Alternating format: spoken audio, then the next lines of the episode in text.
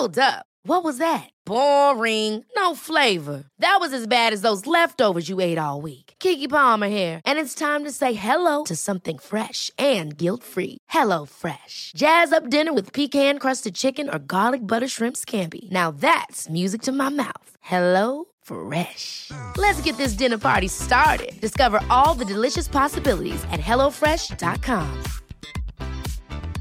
I'm Sandra, and I'm just the professional your small business was looking for. But you didn't hire me because you didn't use LinkedIn jobs. LinkedIn has professionals you can't find anywhere else, including those who aren't actively looking for a new job but might be open to the perfect role, like me.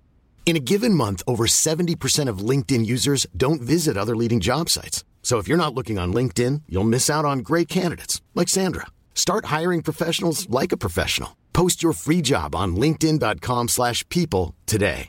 Cool fact a crocodile can't stick out its tongue. Also, you can get health insurance for a month or just under a year in some states. United Healthcare short term insurance plans, underwritten by Golden Rule Insurance Company, offer flexible, budget friendly coverage for you. Learn more at uh1.com.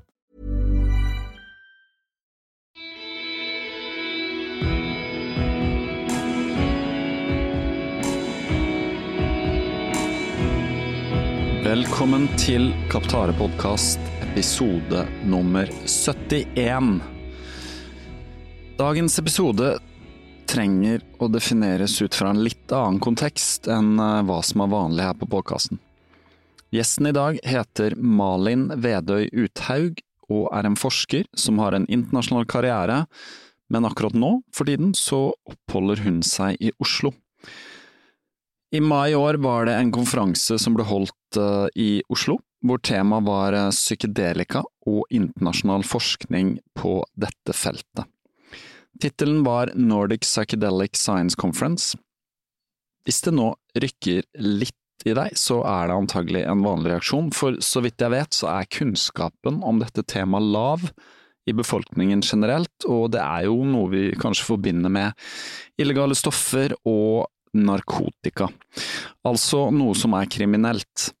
Ergo tar vi avstand, muligens basert på frykt for å bli dømt, enten av andre, eller som flere i Norge har erfart, av en domstol på grunn av bruk og besittelse. Så før jeg går videre, så vil jeg bare lese hvordan Store norske leksikon definerer psykedeliske stoffer. Jeg siterer. Psykedeliske stoffer er hallusinogene stoffer som hovedsakelig forårsaker forandringer av sanseopplevelsen, av, av omverdenen og av en selv. Typiske eksempler er naturlig forekommende stoffer som psilocybin, meskalin og DMT, eller syntetiske stoffer som LSD. Psykedeliske stoffer utøver sin effekt ved å påvirke serotonin i hjernen. De er generelt lite toksiske og lite avhengighetsskapende. Flere psykedeliske stoffer er under utprøving i behandling av flere psykiatriske sykdommer som PTSD og depresjon. PTSD er da posttraumatisk stressyndrom. Så der fikk vi det forklart ganske greit på en kort og lettfattelig måte. Merk at det nevnes at de er lite toksiske og lite avhengighetsskapende, altså lite giftig. Dette er viktig, for i motsetning til andre medisiner som brukes mot psykiske lidelser, så er ikke dette noe som brukes daglig. De som har vært med på forskningsstudier med for eksempel psilocybin, som da finnes blant annet i norsk fleinsopp, de rapporterer om store endringer etter bare én gangs bruk. Til det bedre, kan jeg da legge til. Igjen så vil konteksten rundt dette være viktig, og som Malin forteller om i podkasten, i samtalen vår, så er det meget viktig at det gjøres i en setting og med et mindset, i mangel på et bedre ord. Altså hvor du gjør det, og med hvem, og holdningen din til det hele. Så dette er, var hva Malin holdt et foredrag om på den nevnte konferansen, og hun bruker et ord, nemlig bodyset, for å forklare den mer holistiske, altså helhetlige holdningen vi må ha når vi trenger å lege psykiske problemer som igjen kan resultere i fysiske sykdommer. Hun er opptatt av at vi må inkludere kropp og hode når vi tilnærmer oss våre problemer. Så vi som er løpere, vi kjenner jo til dette. Uten bevegelse så har vi det ikke så bra som vi kan ha det når vi løper, og lar kroppen få utfolde seg naturlig på det den er god på, nemlig å bevege seg. Egentlig kan jeg legge til også å uttrykke seg. Så når jeg hørte foredraget til Malin, og hun også fortalte at hun var fridykker og hadde satt norgesrekord i en disiplin, så var det ikke vanskelig å spørre om hun ville komme på påkassen og snakke om dette. Så hvorfor egentlig? Jo, fordi jeg også har en sterk tro på at om vi skal bli den beste versjonen av oss selv som mennesker, så trenger vi å se på helheten, både kropp, sinn og sjel. Alt henger sammen, og få av oss lever liv hvor vi kan si at vi har det optimalt på alle disse feltene. Som vanlig på denne podkasten så spriker samtalen i mange retninger, eh, dette er ingen fagpodkast sånn sett, og jeg er heller ingen ekspert på dette feltet, men selv om Malin er det, så vil det igjen, litt avhengig av kunnskap du besitter fra før, ta mer, en, ta mer tid enn én samtale for å få fram hele dybden i dette feltet, som selvfølgelig er meget stort. Det skjer nå mye forskning på dette, særlig på store universiteter rundt om i verden, men også i Norge. Jeg vet både Morgenbladet og Dagens Næringsliv har skrevet en del om dette temaet, og sikkert mange andre også, men uh, om du vil vite mer, så er det en del lenker i podkastnotatene til uh, forskjellig som vi nevner i samtalen. Det er egentlig ikke mangel på informasjon som er problemet i vår tid, det er vel heller vår evne til å ta oss tid og sette oss inn i forskjellige saker og ting. Vi tror jo ofte at vi vet, men for det meste handler det om at vi har hørt om noe, og så dermed vet om et tema, men for å virkelig vite noe, så må vi jo bruke tid å studere og gå i dybden. Så da gjenstår det bare å sette over til Malin og meg, som hadde den siste samtalen i studio som jeg har brukt det siste halvåret. Det skal nemlig legges ned, så podkasten trenger nå atter en gang et nytt hjem, men jeg vil snakke litt mer om det i avslutningen etter samtalen. Så sier jeg velkommen til doktor Malin Vede Uthaug. Tusen takk. Er du doktor? Ja. Wow. Ja, ja, doktor i farmakologi.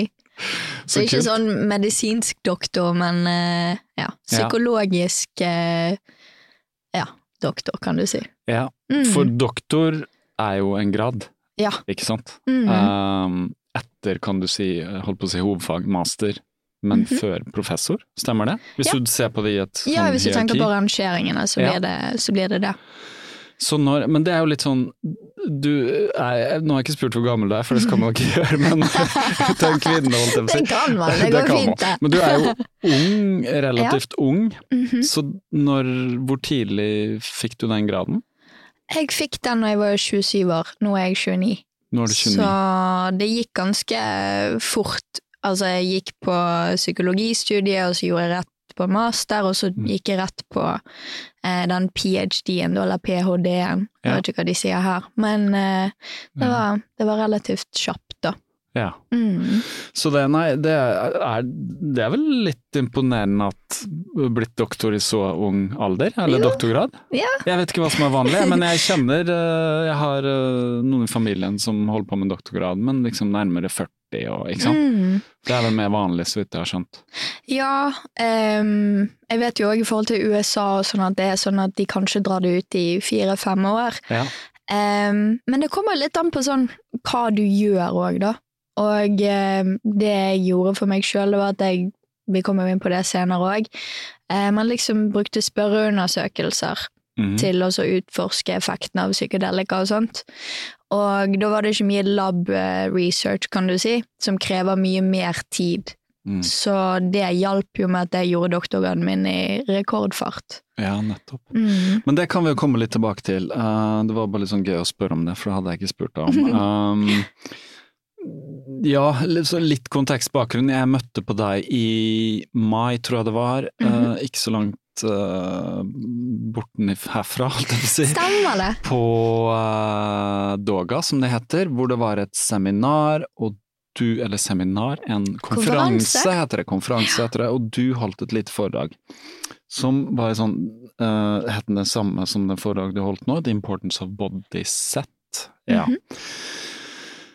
Men så var det fridykking du snakka om som var litt sånn som gjorde at jeg spurte deg, for det er jo interessant. Så det kan vi komme litt tilbake til. Uh, men kanskje bare få litt sånn bakgrunnen din eh, fra Bergen, eller Vestlandet utenfor Bergen. Eh, Bada mye i kaldt vann.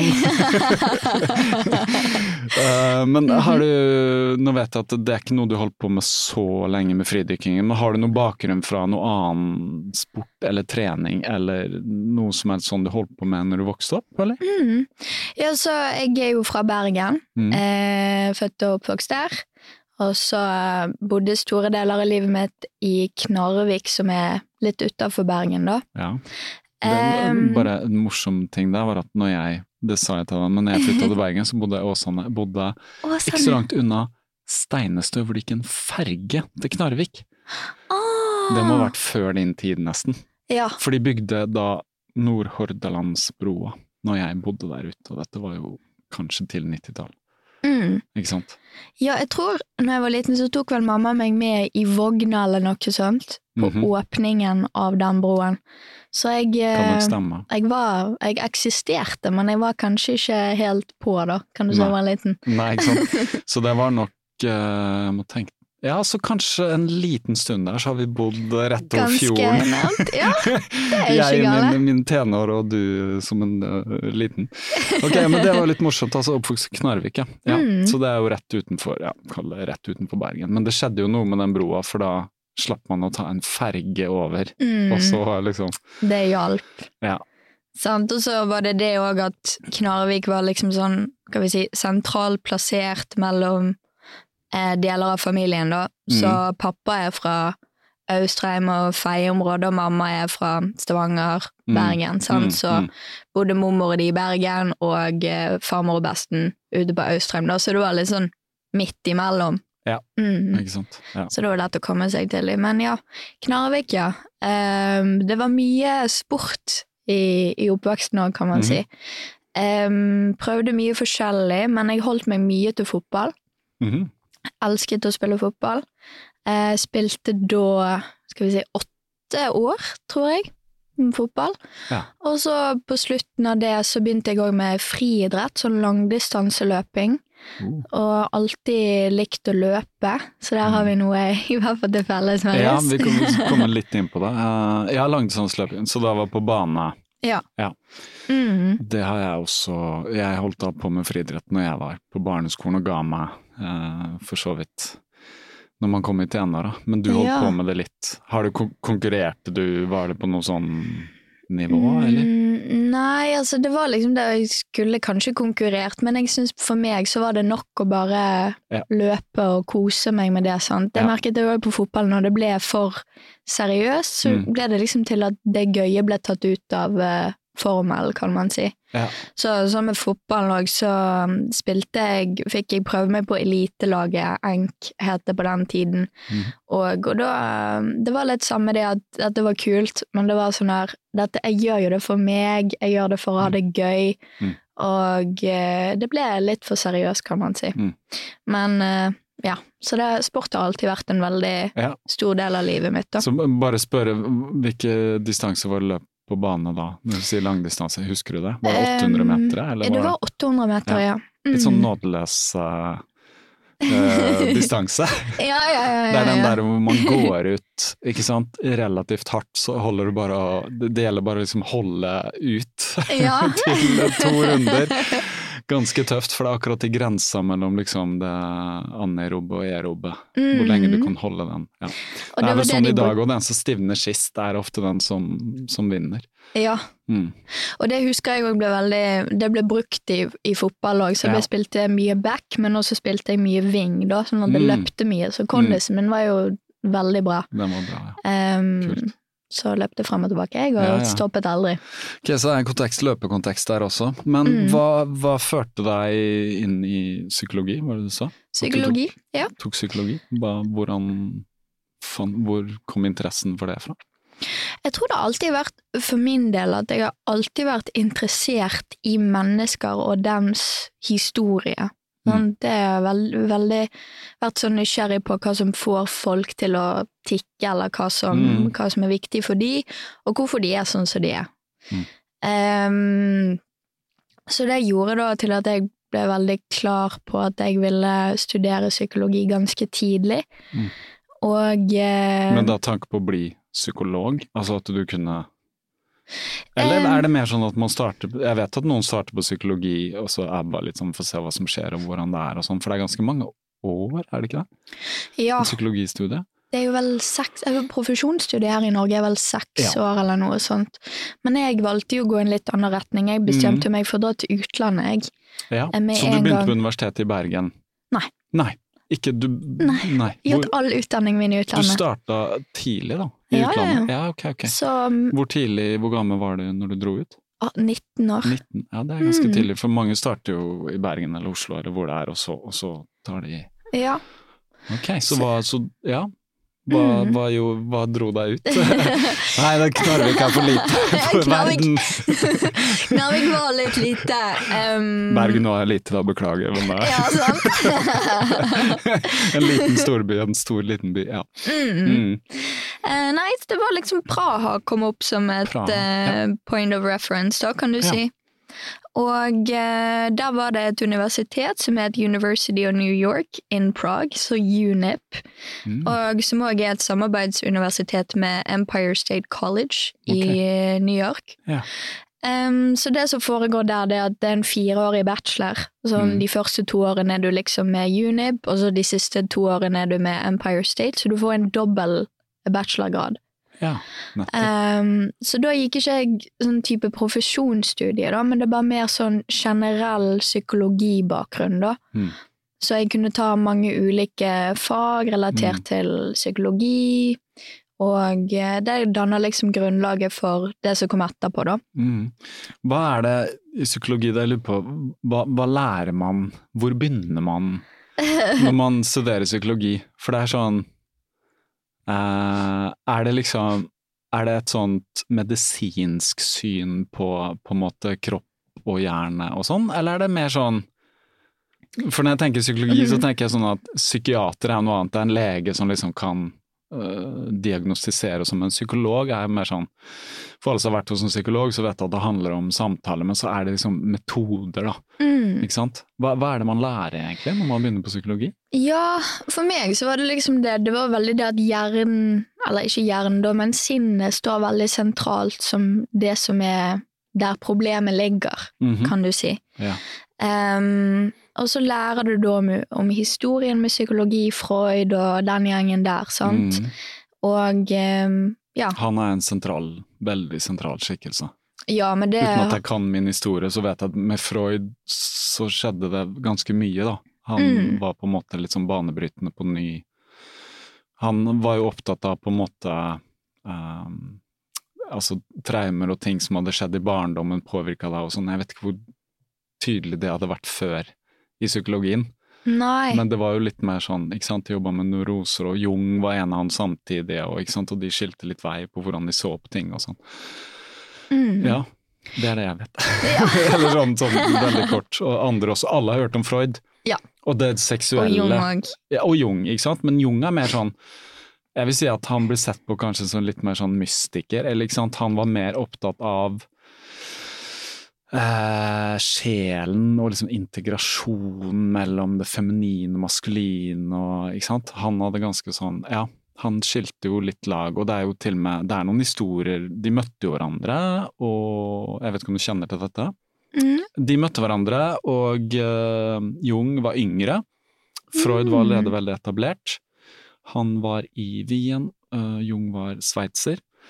Og det var jo liksom, det, det var der det skjedde, tror jeg, i Wien. Um, så jeg tror Freud så på Jung som litt sånn arvtaker Mm. til seg, for han var veldig, han ble også professor veldig, veldig ung i 20-åra og sånn. Og, men de så forskjellig på ting, så de hadde veldig mye, de hadde noen disputter, og det handler om, de Ja. hadde noen samtaler som strakk seg over sånn tolv timer, de satt Oh, og diskuterte og sånn.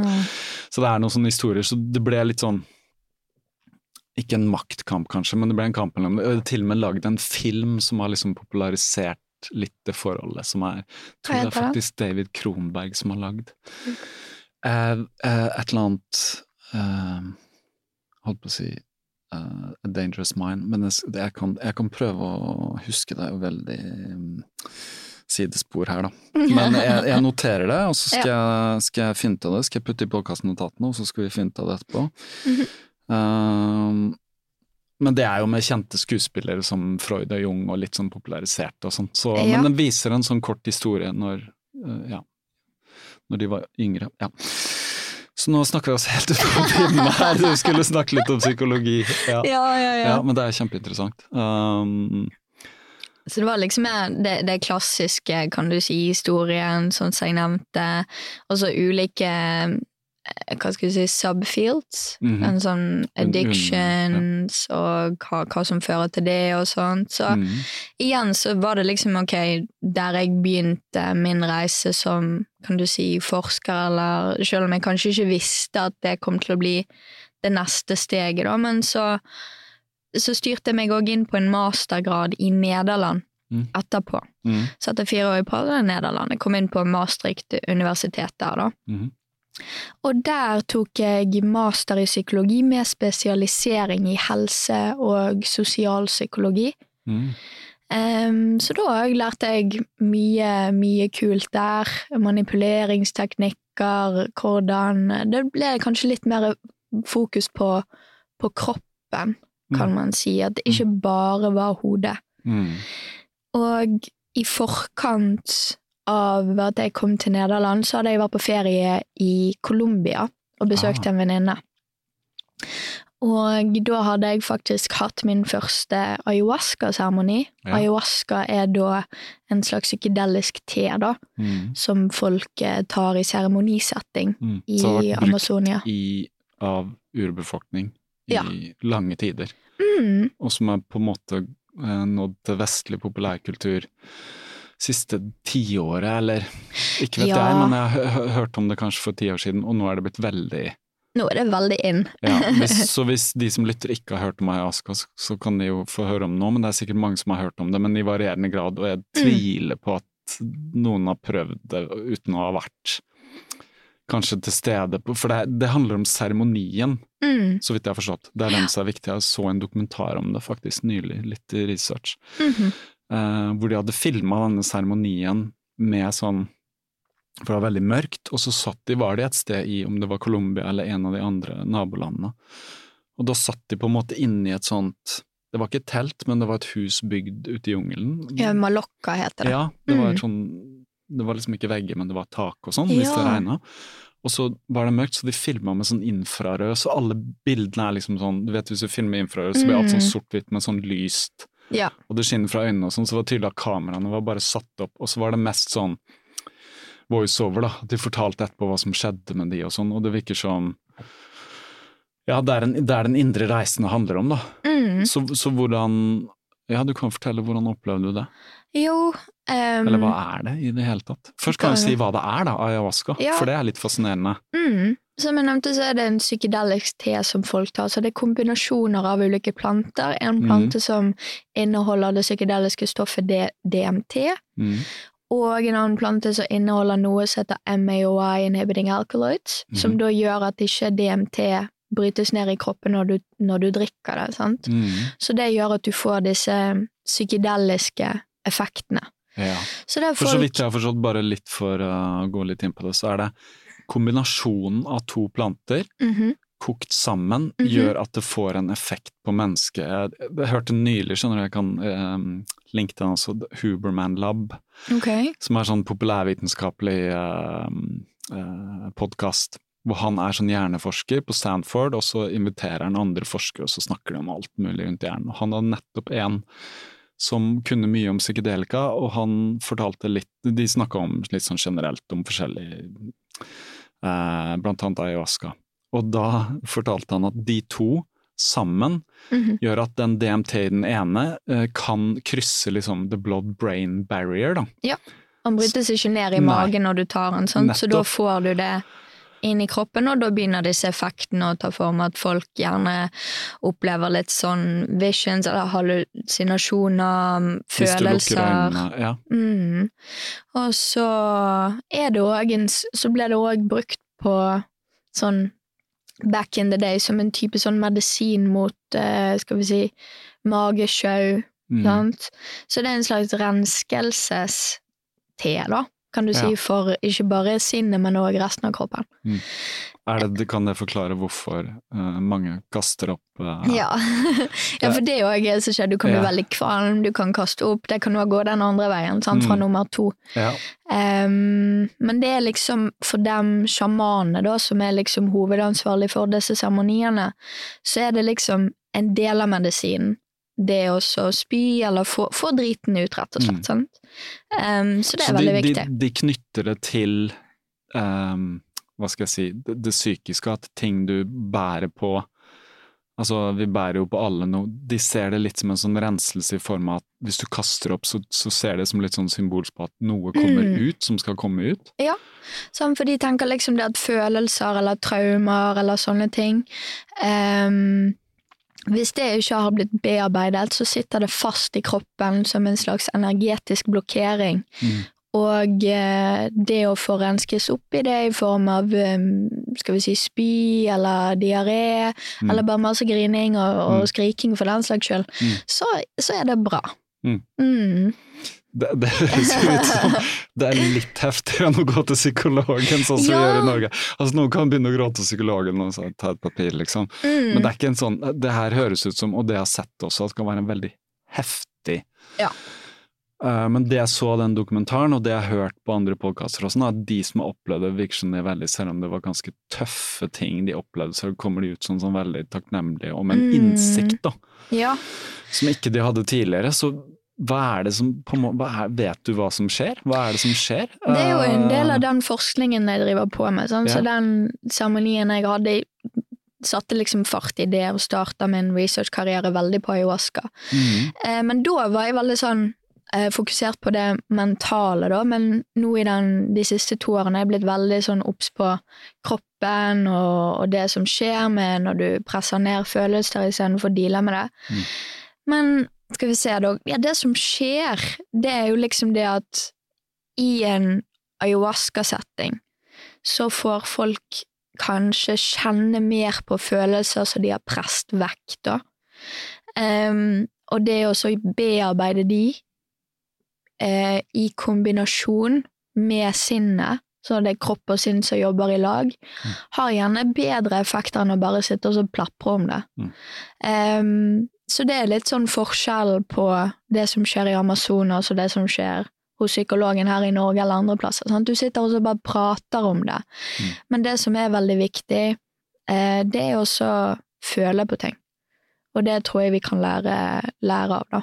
Mm. Mm. Vil det si at Altså, man kan jo sitte hos psykologen, så kan man snakke om noe, et eller annet traume eller noe vanskelig som skjedde i barndommen, så man får litt sånn klarhet i det, for det er ikke alle som har klarhet i det, men så går man til psykolog, så får man klarhet i at det skjedde og det var vondt og sånn, så snakker man om det og så gråter man litt, men det er ikke sikkert Ja. at liksom det skjer en Det går ikke helt spastic, for å si Nei, det det går sånn. ikke helt spastic. Altså, det er ikke noe Det er veldig den derre Vi sitter i ro, og så snakker vi, vi men, eh, Og det kan vi komme litt tilbake til i det foredraget ditt. Du snakker om spastisk. Altså at det skjer ting i kroppen fysisk. Ja. At du Hva kan det være utenom å kaste opp, eller uh, Det, det Kan det være veldig også. gråting, eller liksom at det skjer ting som er veldig fysisk? Men noen, vil noen reise seg opp og løpe ut i, i jungelen helt livredd, liksom? Kan det skje? Nei, eller? altså, altså det som Det er ulike måter å uttrykke følelser på, og bearbeide de.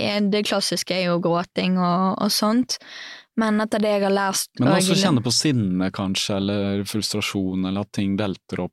Ja, ja, ja. Men det blir, det blir liksom uh, Skal vi si expressed på en annen måte. Mange som rister, begynner også å skjelve.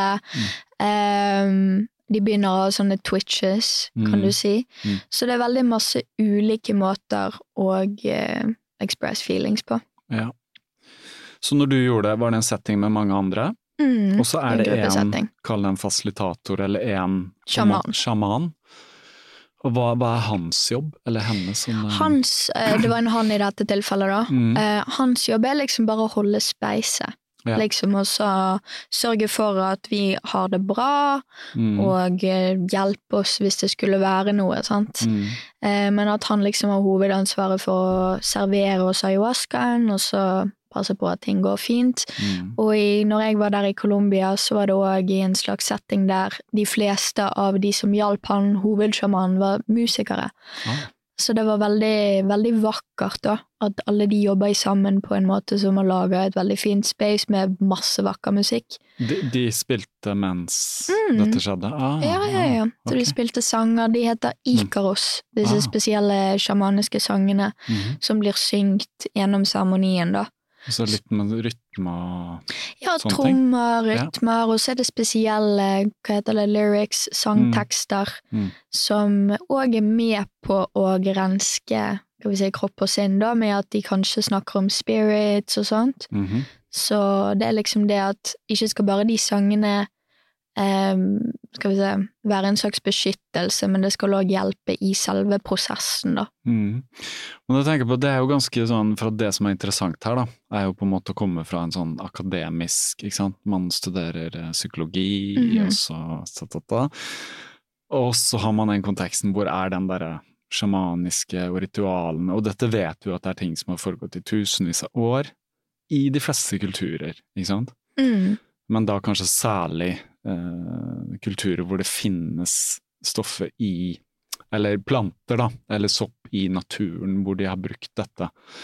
Så hva er liksom Hvordan klarer man å linke det for Sånn så det er kanskje jeg er litt uh, fordomsfull, men jeg tenker at akademikere Mm. Nå forandrer det seg, det ser ut som, men det virker som de har vært så veldig opptatt av det spirituelle, eller på en måte vil tro at uh, kan en sang hjelpe, kan liksom Ikke sant? Så var det, var det litt sånn banebrytende for deg, eller var du allerede på en måte opptatt av disse tingene?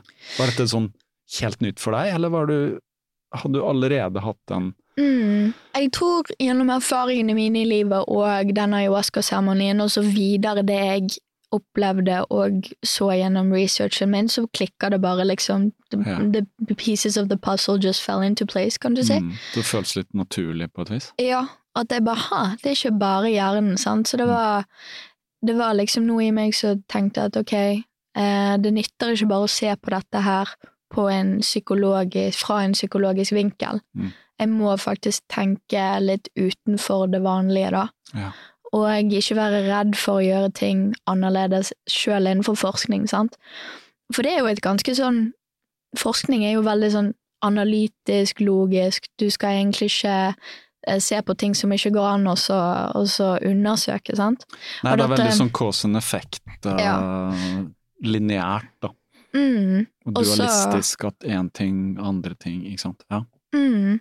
Og så er det liksom det med Descartes, sant, i opplysningstiden, eller det det heter enlightenment, Mm. så kom jo han inn med den eh, René quoten sin. Descartes, filosofen, ja, fransk filosofen, ja. Mm, at han sa I think therefore I am. Mm. Og med det så fikk du en sånn splitt mellom kropp og sinn, da, the Cartesian split. Mm. Og eh, Som ble gjeldende på en måte veldig At vi separerte da mm, hodet fra kroppen. Det som skjedde i hodet, skjedde i hodet, det skjedde i kroppen, skjedde i kroppen. Vi Absolutt. behandler det hver for seg. Ja, Sant? Og det er jo liksom det disse her eh, modalitetene vi har, eller modalities, Mhm. vi har til å liksom forbedre eh, depresjon, angst og sånne ting, er basert på. Det er den splitten mellom hode og Mm. kropp. Vi behandler hodet når det gjelder angst. Um, Mm. Da kan ta, bare for litt sånn kontekst for løping og sånn, så det som kommer veldig mye fram forskning på løping, er at løping er bra for depresjon og angst og sånne ting. Så, så der er litt sånn revers, men bare på det så skjønner man at å ja, kropp og sinn henger sammen. Ja. Og de fleste som er løpere også vet jo det at du kan føle deg litt sånn in a rut, eller et eller annet du er litt nedfor, eller et eller annet føles litt kjipt, eller om det er uro, eller hva enn.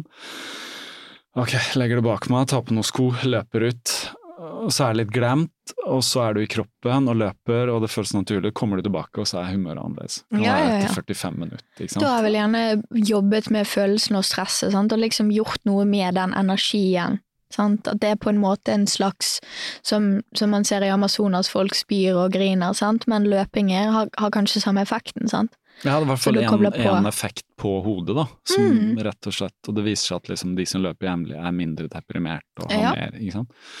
Så det er jo den motsatte. Men uh, det, det er kjempeinteressant. Uh, Men hvordan opplevde du det personlig å være på en sånn hva skal man kalle det, en tripp eller en reise? Ja. Var det som en indre reise inni deg selv? Altså Var det sånn at du, når du lukket øynene, så så du ting, Mm. eller følte du ting, eller hva Hvordan var det liksom annerledes, da, fra det vanlige? For min del, så bare for å gi sånn litt sånn background Jeg har Mm. jo slitt med, med meg sjøl, da, eh, i form av PTSD. Ok. Og, Posttraumatisk stressyndrom? Ja. mm, og så følte jeg òg at you know, bare å prate med en terapeut hjalp ikke. Så jeg, måtte, jeg visste liksom i sjelen min at jeg trengte noe annet. Så det var òg en av grunnene til at det var sånn Aha. i, i Colombia. Jo, you know, det som skjedde, det var det at jeg lå der på en sånn matte ned på, på bakken, og så hadde jeg drukket ayahuasca, og så kjente jeg at you know, nå begynner følelser som jeg har pusha vekk, å strømme til overflaten. Og det er også som er veldig vanlig for folk med PTSD, hvis de ikke klarer å bearbeide det. Du begynner også å gjøre ting for å holde smerten vekke, sant? om det er å drikke eller whatever. Ehm, så det jeg kjente på alle følelsene begynte å komme til overflaten. Jeg visste ikke hvor jeg skulle gjøre ut av meg. Sånn, oh shit, nå må jeg liksom jobbe med dette her, og kjenne på det. Og så var jeg veldig sånn resistent mot de følelsene, og det førte til at jeg ble veldig mye mer kvalm enn kanskje hva som er eh, normalt, eller vet ikke. Mm. Um, men ja, jeg kjente mye på kvalmen da, over lengre tid at jeg ikke klarte å så spy. Du klarte ikke. Nei, jeg klarte ikke å spy. Og det tror jeg hadde litt med måten jeg hadde håndtert PTSD-en fram til da, at jeg hadde ikke følt meg trygg nok til å gi slipp på de følelsene, eller hadde ikke følt meg modig nok, kan du si, sant? Og eh, da lå jeg der i flere timer og var dritkvalm. Mm. Og eh, det Og var ikke bare noe kjente visions. på det, liksom? Ja. Og det var ubehagelig. Ja, det er jo ikke gøy å være kvalm. Nei. Og da syntes faktisk han sjamanen litt synd på meg etter Mm. to-tre to, to, to-tre timer. sant? For du lå og var sånn Og jeg åh. er helt kake. Ja. Og så eh, kommer han bort og bare du, kan ikke du bli med bort til den eh, Det var en sånn bål ikke så langt ifra, da. Mm. Så dette er jo på natten in the, in the middle of nowhere. Mm. Um, og så inviterer han meg bort der, og folk må hjelpe meg opp og stable meg på føttene. Så jeg er sånn her ny, nyfødt kalv, sant. Sånn ja, skikkelig. Jeg bare oh my god, can't do this. Ehm, så de hjelper meg liksom bort, og så begynner han også å si noe greier på spansk. Um, og vifte med noen blader, og spytte sånn eh, Hva vi si, Aqua de Florida, som er hva du si, sånn parfymevann, da. Mm. Så alle disse tingene, sant. Sånn renselses-accessories. Um, så han styrte med det, og så husker jeg han sa til meg på spansk Mm. eh, Nå kommer du til å føle masse.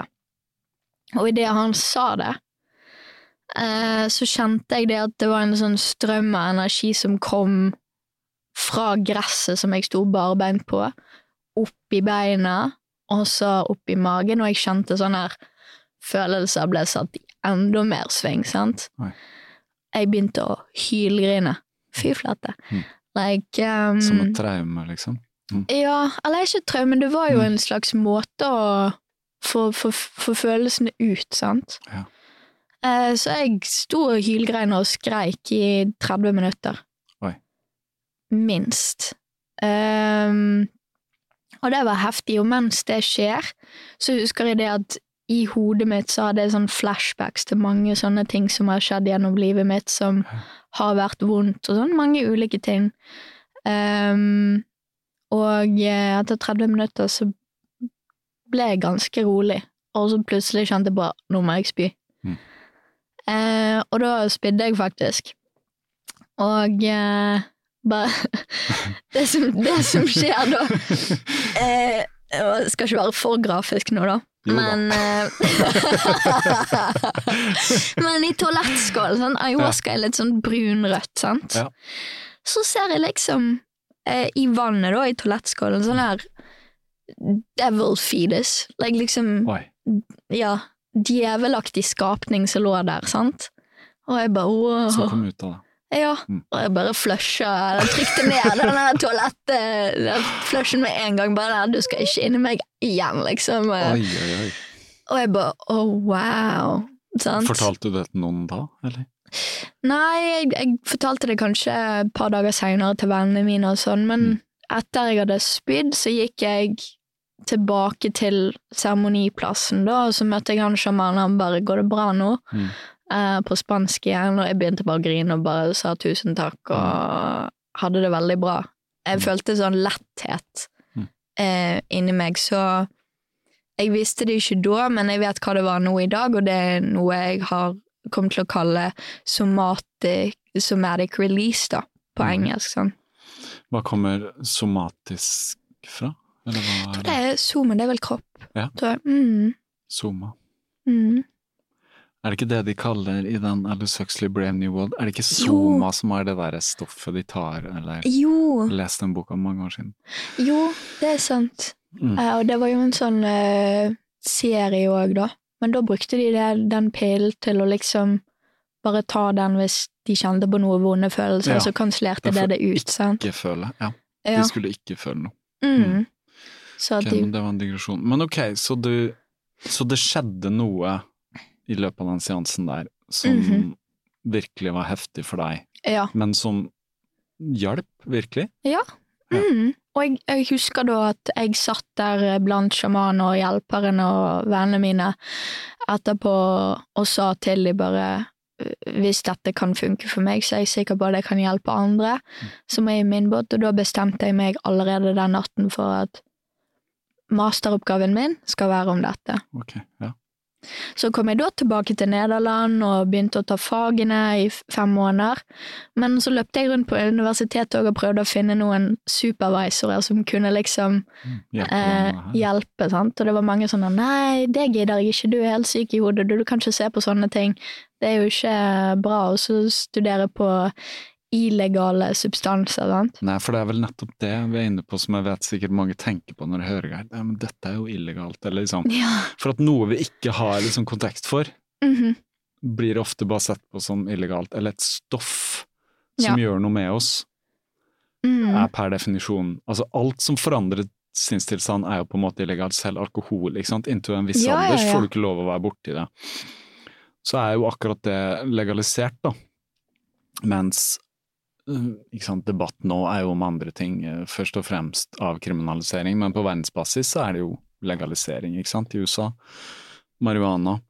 Det er nå én ting, mens jeg vet jo, fordi jeg har lest og hørt en del påkaster, de forsker jo masse i USA Ja, på ja, ja. dette med PTSD. Om det er akkurat ayahuasca, vet jeg ikke, men det er liksom MDMA, ja. psilocybin, um, ketamin og sånne ting som vi kan komme litt inn på. Men du kan fortsette på historien, da. Hvordan? Der kommer du ung og bare frelst. Jeg var vel ikke helt frelst, Nei da, men jeg Men du, det Men føltes, det, siden det hadde stor betydning for deg, så tenkte jeg ja, ok, du tenkte oi, hvis dette kunne hjelpe meg, da Kan kan, det også hjelpe andre, andre liksom? det er jo et faktum at vi har, vi har en, en krise, i hvert fall sånn i vår oversikt uh, av vestlig verden, så er det jo depresjon, PTSD som du sier, uh, angst, eh, ja, alle disse tingene vi Mm. Det er sliter med, som vi har jobba mye med i mange år og ikke har sånn liksom løsninger på. Ja, vi har ikke en god nok løsning på Vi på har ikke det. god nok løsning. Vi har en del, er mye terapi funker å snakke og sånn, men det, det, Det hjelper ikke for alle, Nei, og det hjelper kanskje ikke, ikke sant, fort nok, da. At du må Mm. bruke Bare sånn som i Norge, da, som er liksom dilemmaet, er jo eh, Det er greit å gå til legen og havne på sykehus og operere og alt det der. Greit, så koster tannlegen litt, men de fleste passer på tennene, så det koster ikke så mye i året. Men så skal du psykolog, og så koster Altså, plutselig Det- står ja. du der og er litt på egen hånd, da. Mm. Uh, og da velger man jo det kanskje bort, for liksom Er du ung, uh, ikke har så mye penger, og sånn skal jeg bruke 1000 kroner per, per seanse her, og det er tre kvarter. Ja. Og jeg trenger et år Mm. med en gang i uka, for det er gjerne sånn altså, Mange går til psykolog i årevis. Så, det er så det. var det noe som slo deg, at liksom her, kan, her er det noe som er veldig effektfullt? Ja, de, de har jo sagt det med tanke på sånn psykedelika, da, at det, det liksom kutter den terapitiden, da. at du bare får eh, flere år av terapi i løpet av seks-sju timer. Sant? Og det er jo veldig bra. Um, men ja, Men du sånn- får ubehaget på kjøpet. i hvert fall ayahuasca, sant? Ja, men ja. eh, det er det Det er jo ikke godt å ha det, være deprimert heller. Det har jo sin, sin uh, Kostnad. Ja. Og nå vet vi jo også det, når du snakker om liksom hode og kropp. Depresjon, altså Det er vel ganske godt dokumentert at depresjon fører til en god del lidelser som, Mm. som sitter i kroppen. Ja. Eh, I form av helse, tap av helse, rett og Ja. slett. Og også andre ting. Misbruk av alkohol, eller misbruk av piller. Altså Mm. valium er vel det mest solgte holdt på å si, over counter i USA, liksom. Ja, Og ja, nå med hele den uh, epidemien som har vært av opioider. Uh, ikke sant? Mm. Ja, det er noe der. Altså, vi har ikke en god nok løsning på å rette opp i ting som gjør vondt, Mm. kan du si, men jeg så ayahuasca som en del av eh, løsningen, da. Mm. Um, Ja, så jeg- da var spørsmålet hvordan, Hvor- hvordan sette det inn i på den akademiske Ja, så det jeg gjorde da, det var at jeg eh, prøvde å finne en sånn supervisor til å kjøre en, en eh, masteroppgave på effekten av ayahuasca. Mm. Og da fant jeg ut at ok, jeg vil flytte til Colombia for seks måneder, og så reiser jeg rundt i landet med en venninne som snakker spansk, for på den tiden så snakket ikke jeg så masse bra spansk. Eh, så hun hjalp meg liksom å komme i kontakt med ulike sjamaner, og så reiste vi rundt, og så ga vi sånne spørreundersøkelser til folk da, som vi så på depresjon, angst og stressnivåer. Eh, vi så på folk sin, hva heter det, eh, liksom mindfulness. Mm. Ehm, og da, uh, skal vi si, satisfaction with life, sånn at hvor, hvor bra livskvalitet. Mm. Så det var liksom de hovedtingene, da. Så skrev jeg masteroppgaven på det, og rullte rett inn på en ph.d. etterpå for å utforske mer, da. Så det vi så i forhold til resultater, det var det at ayahuasca liksom fikk bukt på depresjon, angst og stressrelaterte sym symptomer. Og så fikk folk bedre livskvalitet og bedre sånn mindfulness, eh, kan du si. Mm. Og eh, det som Hvordan kan man oversette mindfulness? Er det tilstedeværelse? Tilstedeværelse, ja, Ja. Det kan godt være. Ja. Mm.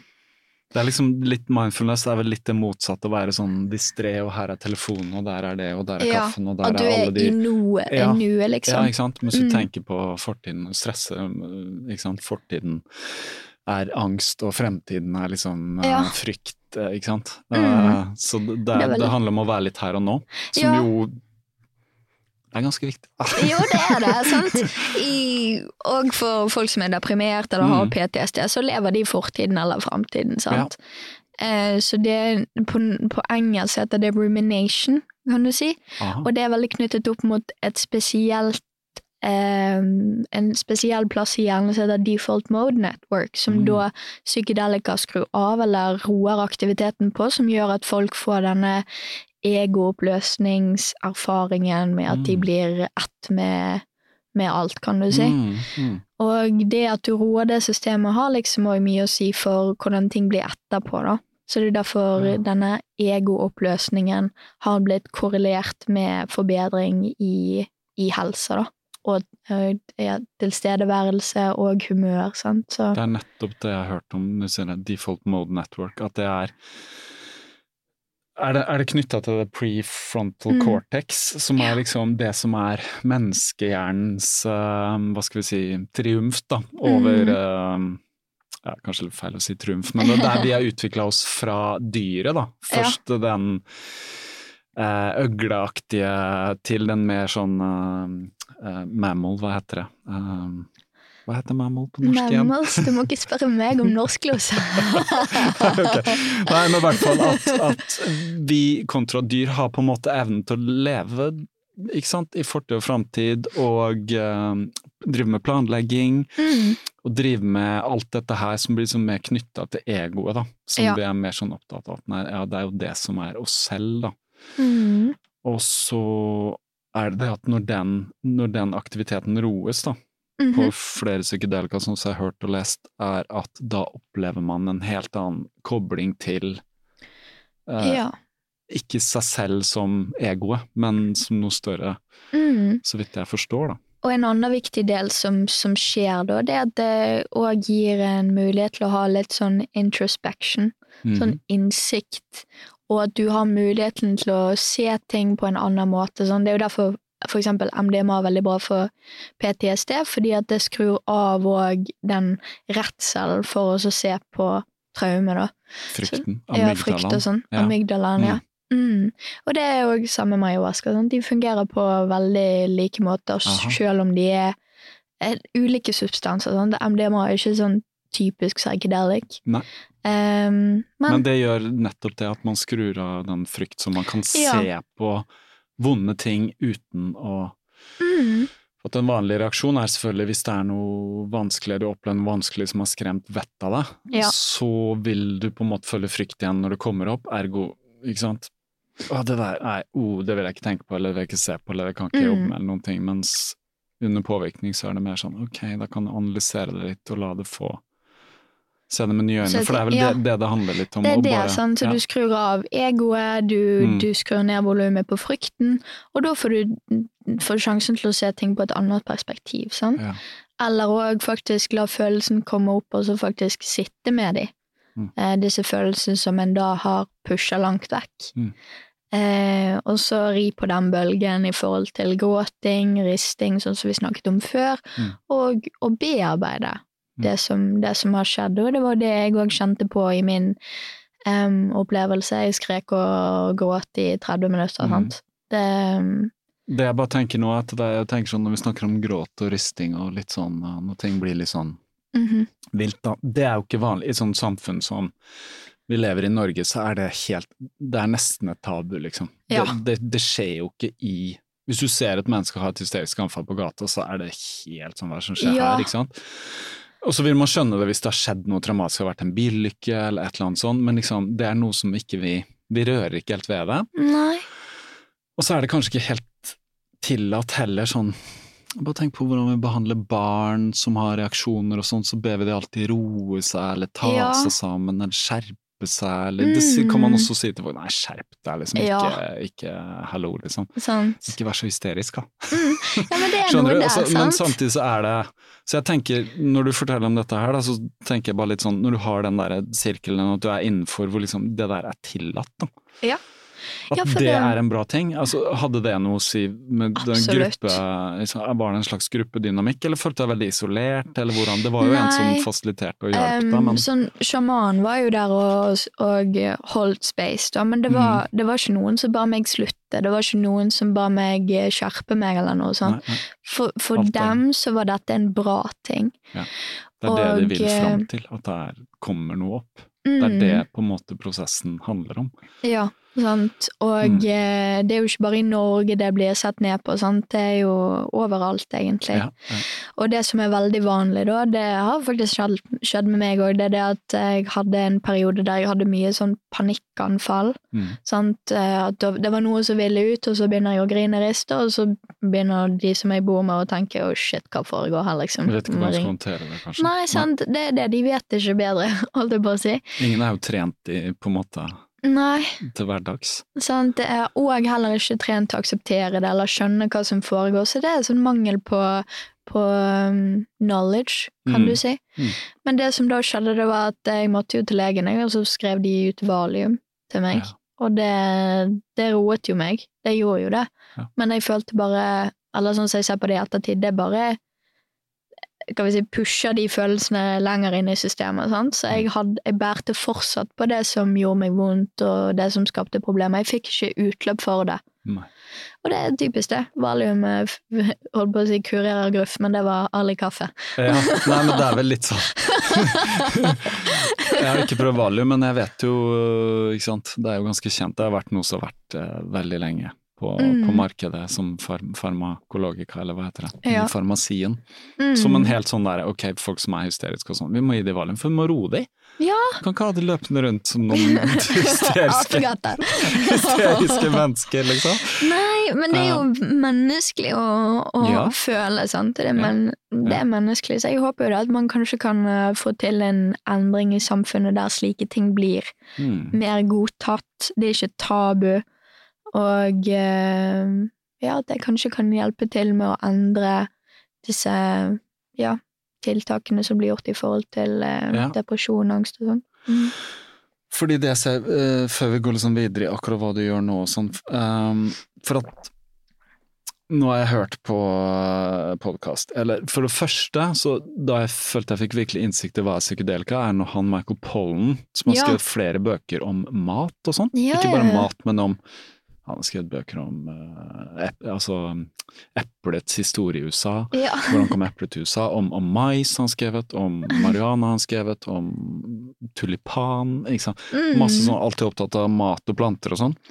Og så skrev han en bok som heter How to Change Your Mind, Ja.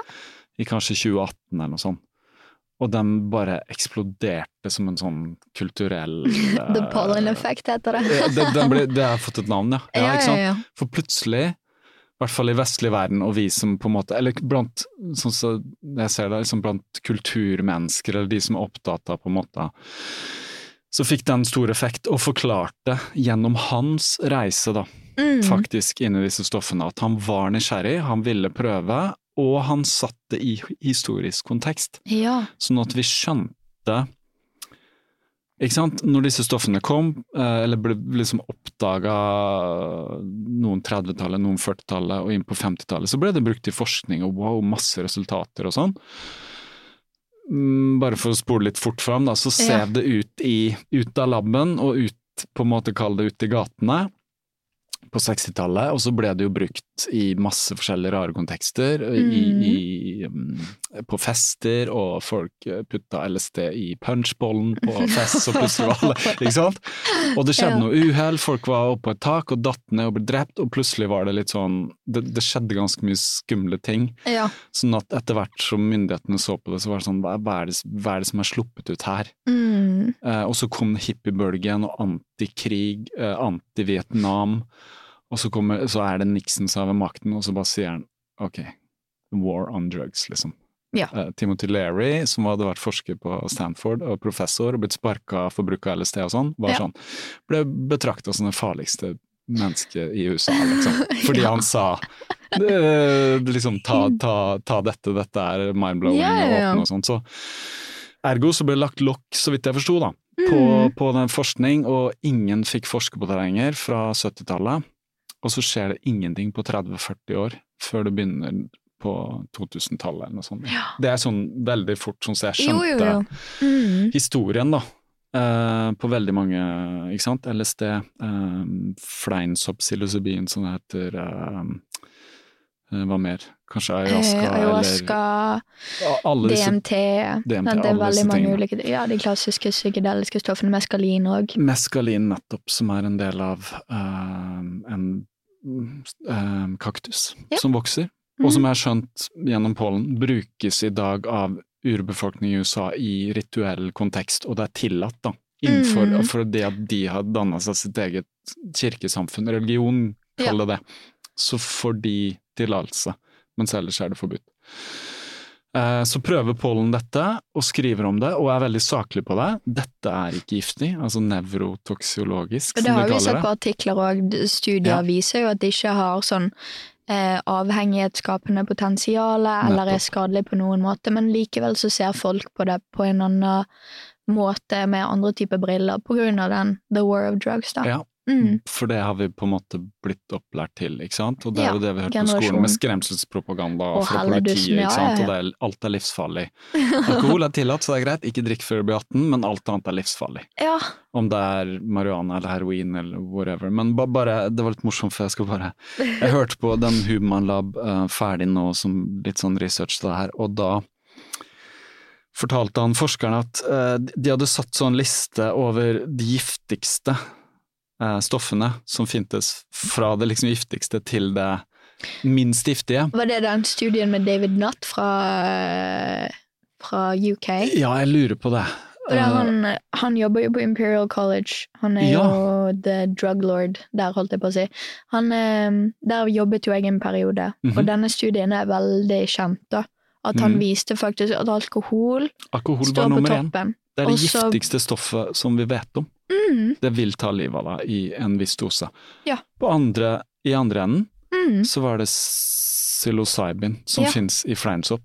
Kan overhodet ikke ta livet av deg ved noe som er kjent, kjent Nei. dose.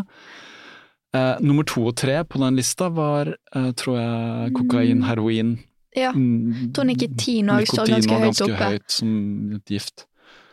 Uh, ja. Så den, den studien er, er veldig, veldig vakker, tror jeg. Ja. Og det var sånn, og det har forandra på ting. Så nå er det, så vidt jeg skjønner, mange som forsker på dette rundt om. Og så, Ja. så, så skal det settes inn i sånn Ikke sant. Det, det skal være sånne trials som vi har hørt om alle gjennom, trials, ja. gjennom pandemien. Med, ikke sant? At det skal være en sånn fase én, fase to, fase tre osv. Mm. Men det som er litt interessant for de som ikke vil lese en bok til Pollen, så så jeg at det er en Netflix-serie som man også har lagd Ja. eh, som tar for seg det her i litt sånn kortere, litt komprimert form, kan du si. Mm. På 4-45 minutters episoder som fins på Netflix nå. Så Ja. man får liksom, For de som ikke har så mye kunnskap, så, så forklarer han det der. Mm. Da gjør han det ikke selv, men han liksom snakker med noen, og så får du se en, faktisk en god del fra forskning på nettopp det Ja. du sa, på MDMA og eh, andre ting. Jeg vet ikke om han tar for seg ayahuasca. Jeg tror han snakker mest om psilocybin, men jeg har ikke sett den serien, så nå bare tenker jeg Ja, om hva nei, jeg som tror- er ja. Den er i hvert fall sånn Den forklarer litt sånn, ja. Mm. Så nå, øh, nå, nå ser vel du også, siden du er inne i det akademiske, at skjer det ting? På, på, Absolutt. det, på denne fronten? Det, det har skjedd På masse òg, heter sant. Ja. Når jeg, nå, det, nå har jeg vært i dette her i snart syv år, da. Mm. Så vi finner ut mer og mer om disse stoffene og hvordan de fungerer, men igjen, sant, sikkert av hvordan Descartes snakket om ting i opplysningstiden òg, så har vel hovedfokuset òg lagt litt på det mentale og neuroscience, hva som skjer i hjernen og sånt. Mm. Og eh, det jeg tenker da, det er jo litt farlig med det, for da går du kanskje bare rundt i sånn her vicious circle, og så kommer du ikke videre, da. Mm. Og da kan det være plutselig at psykedelika bare blir brukt på samme måte som sånn antidepressiver, at det bare tar denne, så fikser alt seg. Mm. Men jeg tror det er viktig at òg forskerne eh, styrer seg inn på å se hva som skjer i kroppen, sant. Mm. Og med tanke på psykedelika, så har jo det vært litt, da. Mm. Eh, for eksempel deres evne til å liksom rekalibrere nervesystemet og har en slags um, effekt på immunforsvaret, at det styrker det. Mm. Uh, som en av studiene jeg gjorde viste òg, eh, på 5-MeO-DMT, da, som Mm. er litt annerledes enn ayahuasca. Så den ikke Så ayahuasca har DMT, og den MEO inhibiting alkaloids, Mm. men 5-MeO-DMT det er en sterkere substans. Mer potent, da, på grunn av at han har eh, disse her eh, Ja, den ekstra delen av 5-MeO. For vi snakker om molekyler her, Ja, ja, ja. som gjør ting i hjernen og binder seg til reseptorer og så Ja. videre. Sånn rent forskningsmessig så har man sett mye på det. Hva er det som skjer? Hun binder seg til Ja, de reseptorene i hjernen. og ja, da skjer det. Mm. Så Men så er er jo den subjektive opplevelsen da, selvfølgelig som er noe annet. Ja. Ja. Eh, Så det er det du sa. forsker på nå, det som heter 5-MeO-DMT. Ja. Ja. Og eh, Men da er vi også inne på litt det du øh, Som jeg faktisk har på, på laptopen her nå, som er ja, for at- Ja, for du hadde en Jeg kan bare fortelle litt at uh, jeg hørte deg i mai, var det vel? Men det var ganske kort presentasjon, et kvarter, 20 minutter, eller? Ja, det var 20 minutter på Ja. den norske psykedeliske konferansen. Første i Norge, faktisk. Første i Norge. Og der var det masse folk fra hele verden, Ja. og fullpakka sal, og veldig mye interesse. Mm -hmm. uh, så det er jo spennende, og noe som skjer årlig, så vidt jeg har skjønt nå, eller skal skje Eh, Hvert andre år, trenger tenker vi da. Kanskje, mm. Ja, Mm. ganske, uansett ganske stor. Eh, Men det fins jo sånne konferanser over hele verden, så vidt jeg har forstått. Men så hadde du nettopp et foredrag, eller nettopp, eh, forrige uke snakker vi om, Mhm. på Blindern. Mm -hmm. Uh, I regi av Norsk psykedelisk vitenskap, Ja. som jeg var på. Ja. Og den heter The Importance of Body Set for Hva, hva betyr Fra Altered States of Consciousness Research Therapy and the Average Joe and Jolene. Ja, for det er liksom den mannen i gata, kall det da, eller kvinnen i Ja. gata. Ja. Mm. Eh, kjempeinteressant. Eh, og da snakka du, du begynte å snakke om katarsis Ja. som renselse. Mhm. Ikke sant? Du- Det var sånn, lever vi i et samfunn som er for renselse, eller gjør vi ikke det? Du stilte mange spørsmål, da. Ja. Spørsmål. Spørsmål. Eh, men psykedelika og deres eh, terapeutiske potensial -hmm. Masse ting. Du snakker om mental health crisis. Altså Du refererte til Gabor Maté, som har skrevet en Mhm. bok nettopp, Ja, som heter The Myth. Myth of Normal. Ja, Den er veldig fin. veldig fin. Jeg har ikke lest den, men jeg har lest den uh, When the Body Says No, og Mhm. så har jeg holdt på litt med den uh, Scattered Minds Ja. Som jeg lånte biblioteket, som jeg ikke har fått lest ferdig, men det skal jeg gjøre, for den handler om litt om ADHD, eller ADD som det kalles og sånn, Uh, som jeg mm, ja, syns var kjempeinteressant. Men det er i hvert fall det er, det er skrevet. Men det som var interessant med det du snakka om, var at du er opptatt av bodysett. bodyset. Ja, Og ja, hva er det? Altså, hva er Jo, Du er opptatt av mer helhet, da? Jeg er opptatt av mer helhet. og Sånn som jeg sa, Fokuset på psykedelisk vitenskap har vært mer om det mentale og det som skjer i hjernen, så det er virkelig å koble på kroppen. sant? Og eh, den tradisjonelle skal vi si, et, skal vi si, sett og setting er noe som blir snakket mye om i forhold til psykedelika. Så sett er det mindsettet, sant? hva som skjer i hjernen. Holdningen du kommer inn i dem på et vis òg? Mm, så alt det henger i sammen, hva du forventninger, masse sånne ting. Og settingen blir da miljøet som um, Ja, det du, den psykedeliske opplevelsen den finner sted i, sant? Ja, så du kan si litt sånn uh, satt på spissen, da. Eh, hvis du tar psykedelika og sitter bak rattet på en bil, så er det noe helt annet enn å sitte i en veldig trygg setting Ja, med en terapeut i et rom som føles Sant. Ikke sant? Mm. Så, så det er jo det man har skjønt at det er uhyre viktig, da. Ja da. Eh, Det er utrolig viktig. Ikke gjør dette, ikke, ikke kjør bil. Nei, nei, nei. Og ikke ta det med noen du ikke stoler på, Nei, sånne, ting. Som påvirker deg masse, ikke sant? Eh, Mm. Som er på en måte kanskje Som vi har sett effekten av når ting skjedde på 60-70-tallet, at det ble bare sluppet ut uten at folk visste hva det var, og prøvde det, og ja, det var sikkert mange bra opplevelser, men også mye skremmende, og Ja. mye som skjedde At folk kunne bli rett og slett traumatisert av å ikke være klar for hva som skjedde, og ikke føle seg trygg der de var, eh, ikke sant? Ingen kunne ta vare på det, ingen kunne ja, Sånn som du mm. opplevde at det var en som faktisk passa på deg, da, i den Ja. ayahuasca Så forberedelsesbiten er viktig, både for det mentale, men også det kroppslige, tror jeg. Så det jeg prøver å formidle med bodyset, det er liksom en, en hva blir det sånn, eh, forlengelse av sett og setting, da.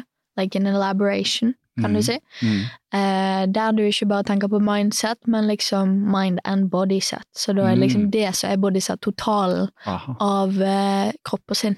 Ja. Mm. Ikke sant? Fordi du, sier, du snakker jo om her, da, love, rett og slett. Kjærlighet. Ja. The need to love or be loved. For er det noe vi litt glemmer her? I, Ja. i, i, også i Det handler jo veldig mye om det. Å føle seg trygg er jo bare å føle seg sant, elsket, eller at noen har sånn vennlig mm. Bare det er jo veldig helende i seg selv, da. Ja, ja, ja. Sant? Og de andre Dette er jo tre menneskelige needs. Ja, Eh, Basic human needs du snakker om. Ja, så da er det kjærlighet og eh, det å bli forstått, Mm. og det å være, skal vi si, eh, i en slags Du har en slags self-direction, da. At du Mm. har frihet i det du gjør. Mm. Så når disse da basic needsene blir forhindret, så på en eller annen måte, og over da lengre tid, så sies det da at det er det som skaper eh, mentale lidelser, eller fys fysiske lidelser, sant? Mm. Mm. Ja, så, ja. Så hva skjer da, når ikke disse ikke sant? Det er det du stiller spørsmålet. Hva skjer når ikke disse blir møtt? Mm. Og da snakker vi kanskje om i oppvekst, da. Ja. For Fordi det eksempel er med relasjonstraumer og sånt. Ja. sånt. Det er vel den, den, den klassiske eksempelen òg som Gabo bruker. Mm. At eh, hvis ikke da et barn får disse basic needsene møtt, så eh, føl- fører det til eh, skal vi si, relasjonstraumer, da. Mhm.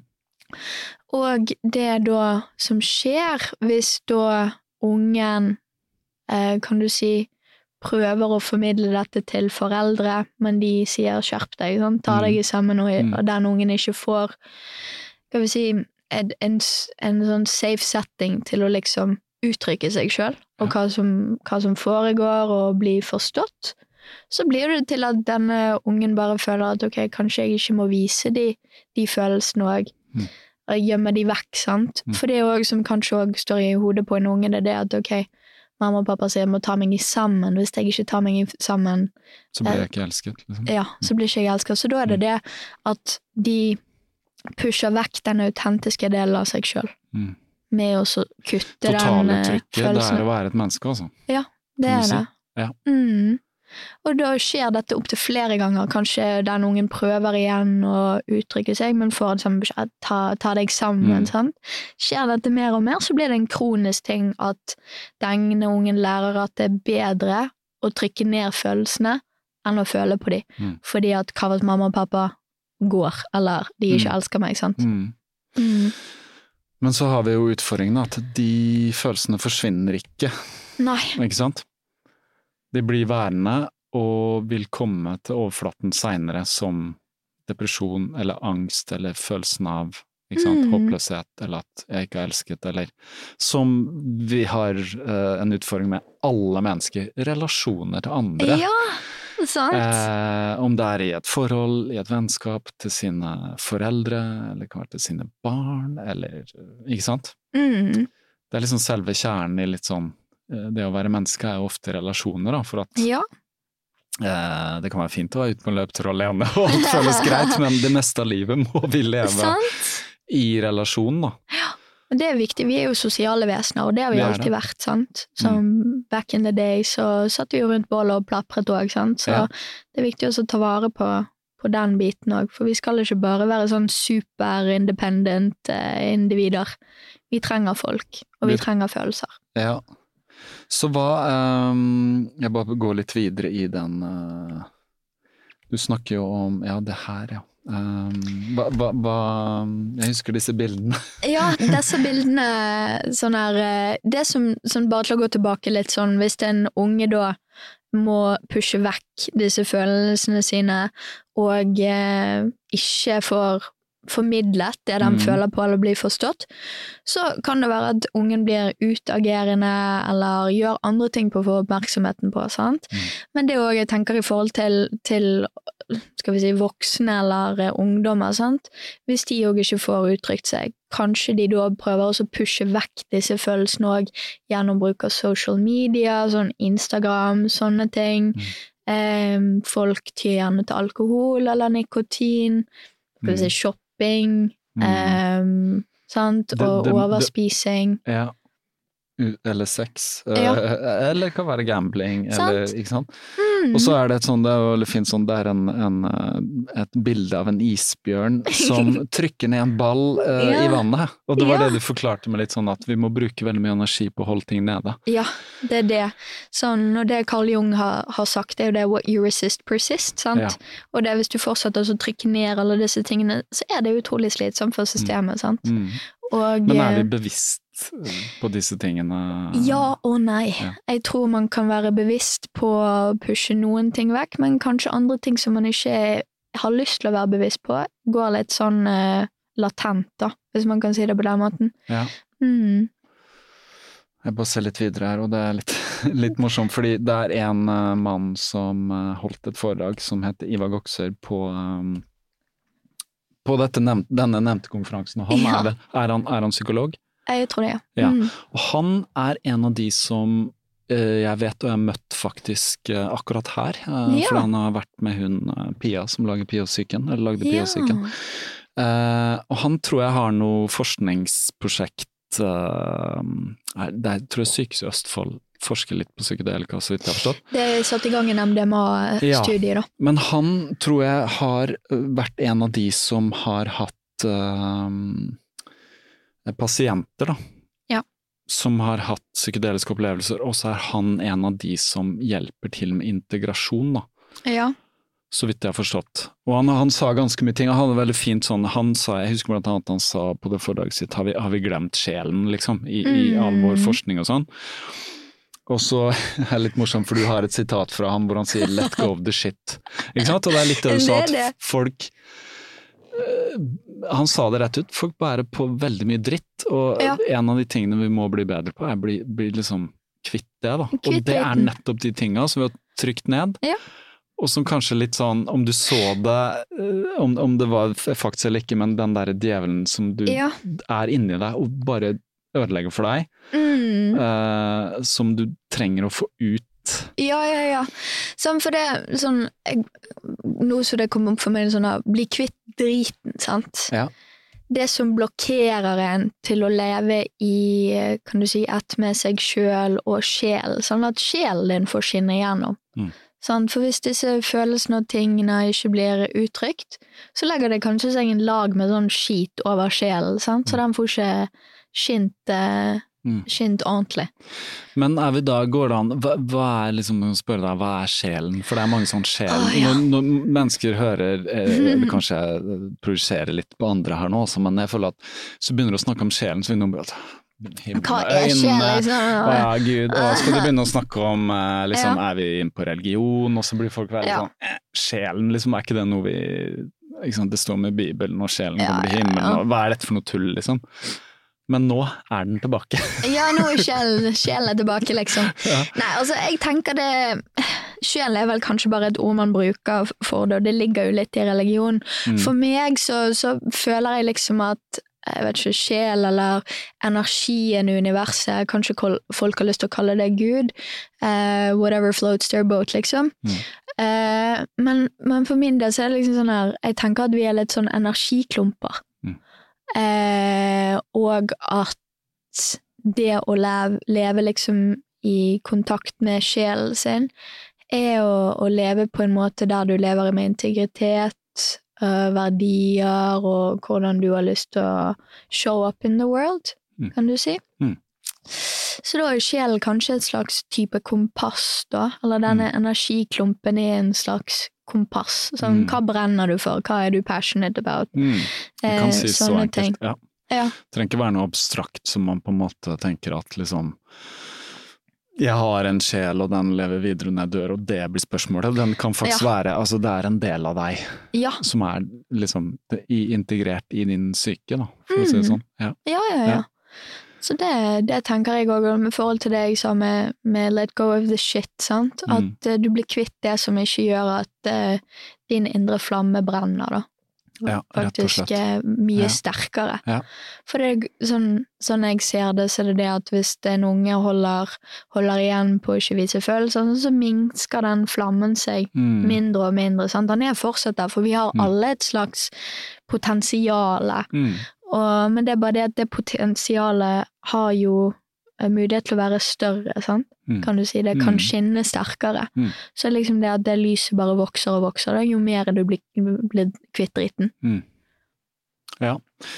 Det, det høres ut som Og så hadde du Ja, du hadde faktisk eh, Du sammenligna med den, eh, den filmen The Lion King. Det var ganske morsomt. Løvenes konge, ja. ja. Det var yndlingsfilmen min da jeg var lita. ja, for det som er litt morsomt med den, det handler jo om å finne tilbake til på en måte litt sånn hans Seg sjøl, ja. Ja. Ikke sant? At han er litt sånn lost, og hvem er jeg, og han vokser opp, og Ja, Han en- gikk jo gjennom noe traumatisk. Han mistet faren og trodde det var sin skyld. sant? Så Ja, ikke sant. alle disse historiene han lagde i hodet sitt og da at Timon og Pumba kom som uh, The Rescue, Ja. og de begynte å synge Hakuna Matata, det er litt den samme som det å ikke ja, være i kontakt med følelsen, liksom. Ja, Pushe de de sånn- vekk. Alt, alt er bra, og solen Ja, skinner, ja. og vi No trenger, ja, worries. no worries. Trenger ikke å, liksom snakke om det vanskelige, og det er så kjipt, og nei, skal du Bare ta i denne vakre ja. bobla av eh, ja. For det handler litt om kanskje det, da, at uh, sånn som jeg ser det, å, å være villig til å ta ubehaget Mm, eh, litt seriøst, da. Ja, det tror jeg det er mye lærdom i det. Jeg tror det er det at mange folk kanskje tenker at ok, følelser, den driten, det er noe å være redd for. Mm. Og det gir mening hvis du ikke føler du har kapasitet til å håndtere det. Sant? Så vi Mm. må bli flinkere på å eh, håndtere følelsene på en måte som er, er bra, da. Mm. Kan du si, og det òg være i en slags kontekst der du faktisk kan bearbeide det på en måte som du ikke blir sett ned på, eller noe sånn, men òg Mm. finne din indre, indre Eller sånn skal vi si, Du må kjenne på det at det er modig, en modig ting Mm. og eh, face the shadows. Mm. Og det er også, du sa modig, men så tenkte jeg på den modningsprosess òg, tenker jeg. Fordi, ja, Face to Shadows. Uh, en av de interessante tingene med Carl Jung uh, som jeg har vært opptatt av, er at han snakker mye om skyggen, Ja. som er den undertrykte delen av uh, personligheten, på en måte sånn som han snakker om, som er det du ikke vil vise verden, da. Ja, ja, ja. Og det du undertrykker, men den lever sitt eget liv. Ja. Og noen ganger så um, kommer den til syne ved at folk kan få uh, for eksempel et raserianfall. Mm -hmm. uh, en, en person, uh, la oss bare si da, at du sitter i et møte på jobben, og så snakker man, og så er han ene som ofte er veldig stille og introvert og liksom sier de rette tingene og sånn, og så blir han Og så er det noen som sier til han kanskje noe litt spydig, da, eller et eller annet, og så plutselig så blir han rasende, ikke sant. Ja, ja, ja. Og så ser det ut som han ikke har kontroll, og det er sånn som jeg har lest, eh, ikke bare Jung, men andre psykologer da, som er opptatt av Jung, at da er det liksom skyggen som bare ja. velter litt fram, da. Mm. Eh, og at den vil liksom piple ut av eh, Du kan på en måte ikke holde den tilbake. Nei. Og det, og det kan også eh, eh, vise seg som eh, Bare ta noe banalt som Facebook. Ja. Så sitter folk og kommenterer på andre sin uh, et eller annet. Mm -hmm. fryktelig stygt, da. Det kommer ut fæle ting. Og, og folk er sånn helt sjokkert. Men det er litt sånn den derre Når man kan gjemme seg bak noe, så kan man slippe på en måte ut den skyggen. Ja, ja, ja. Eh, løs på verden, da.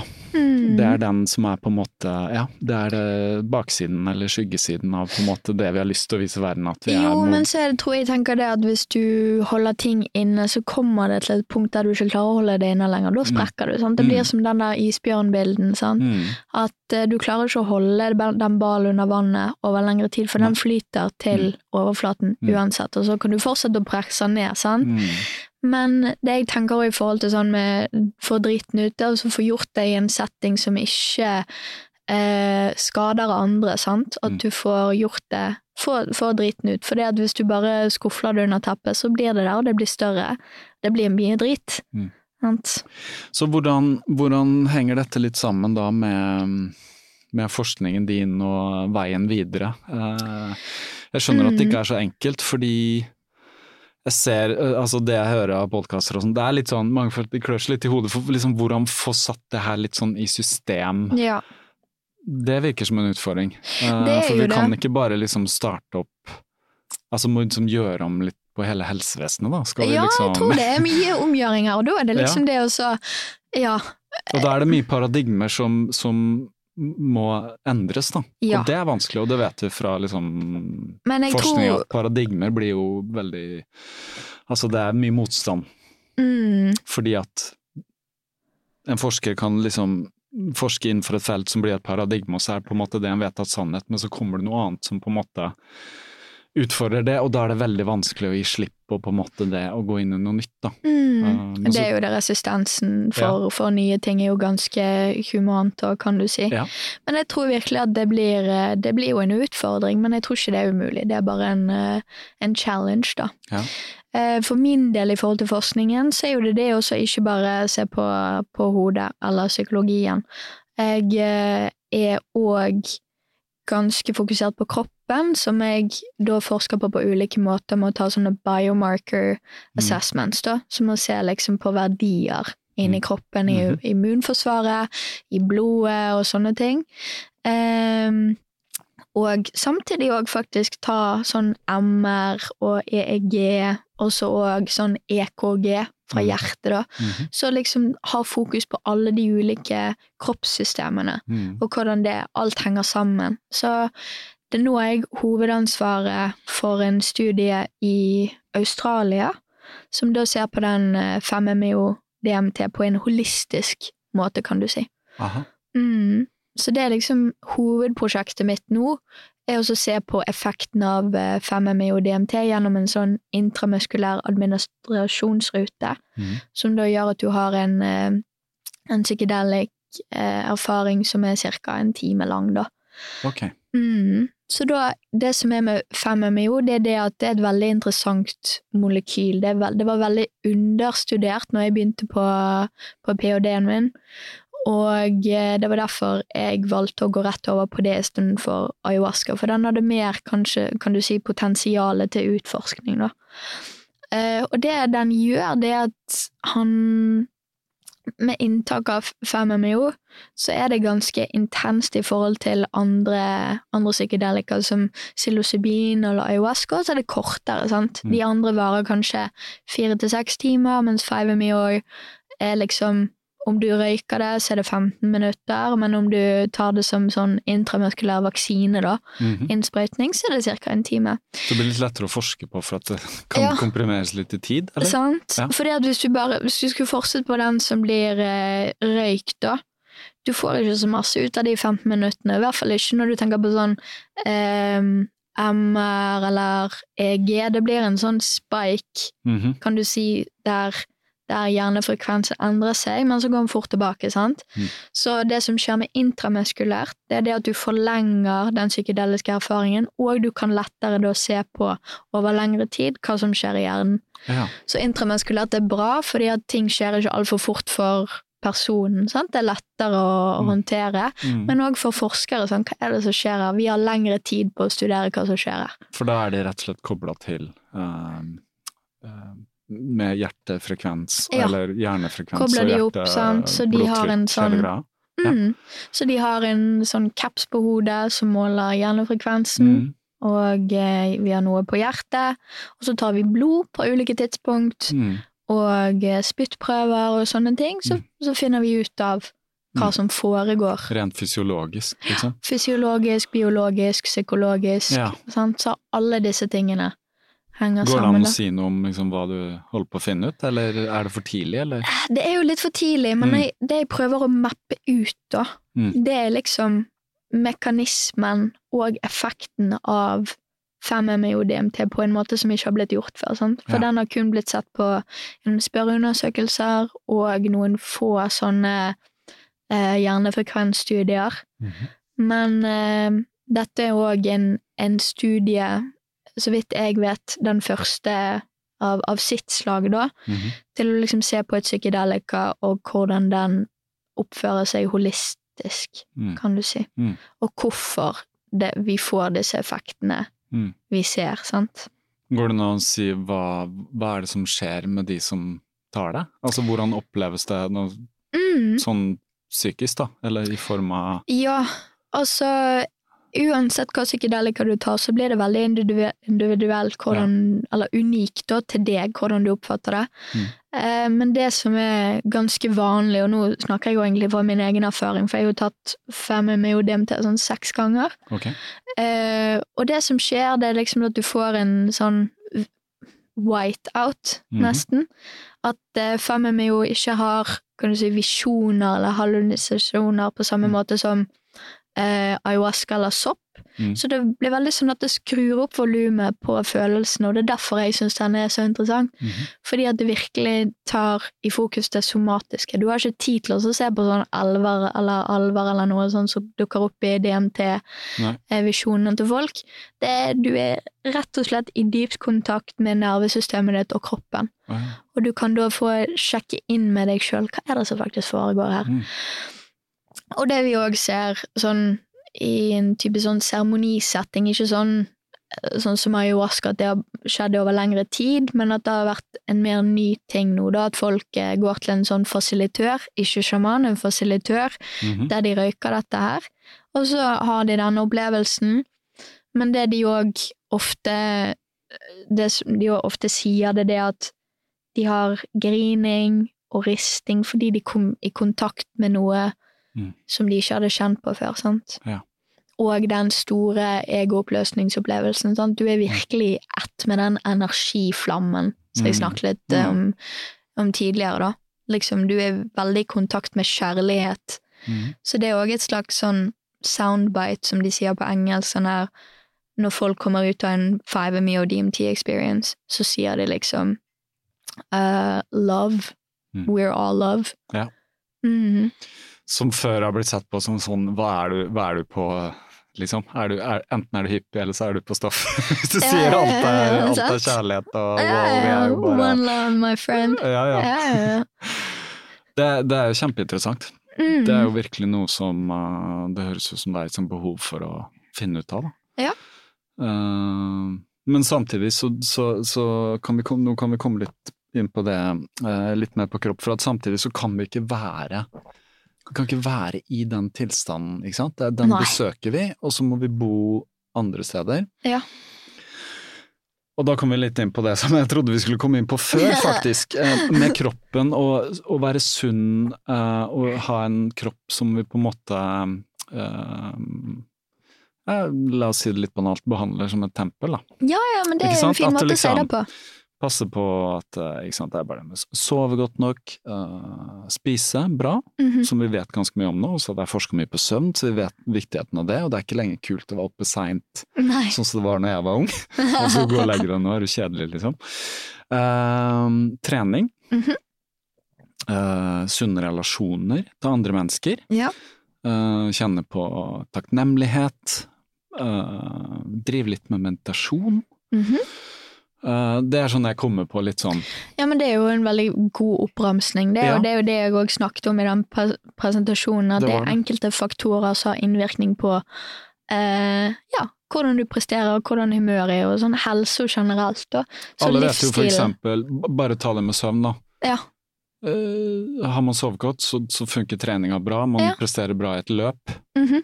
Har man perioder med lite søvn, stress på jobben eller familierelasjon, så presterer du dårlig. Ja. Det, det, det er sånn, så enkelt, er det, liksom. Ja.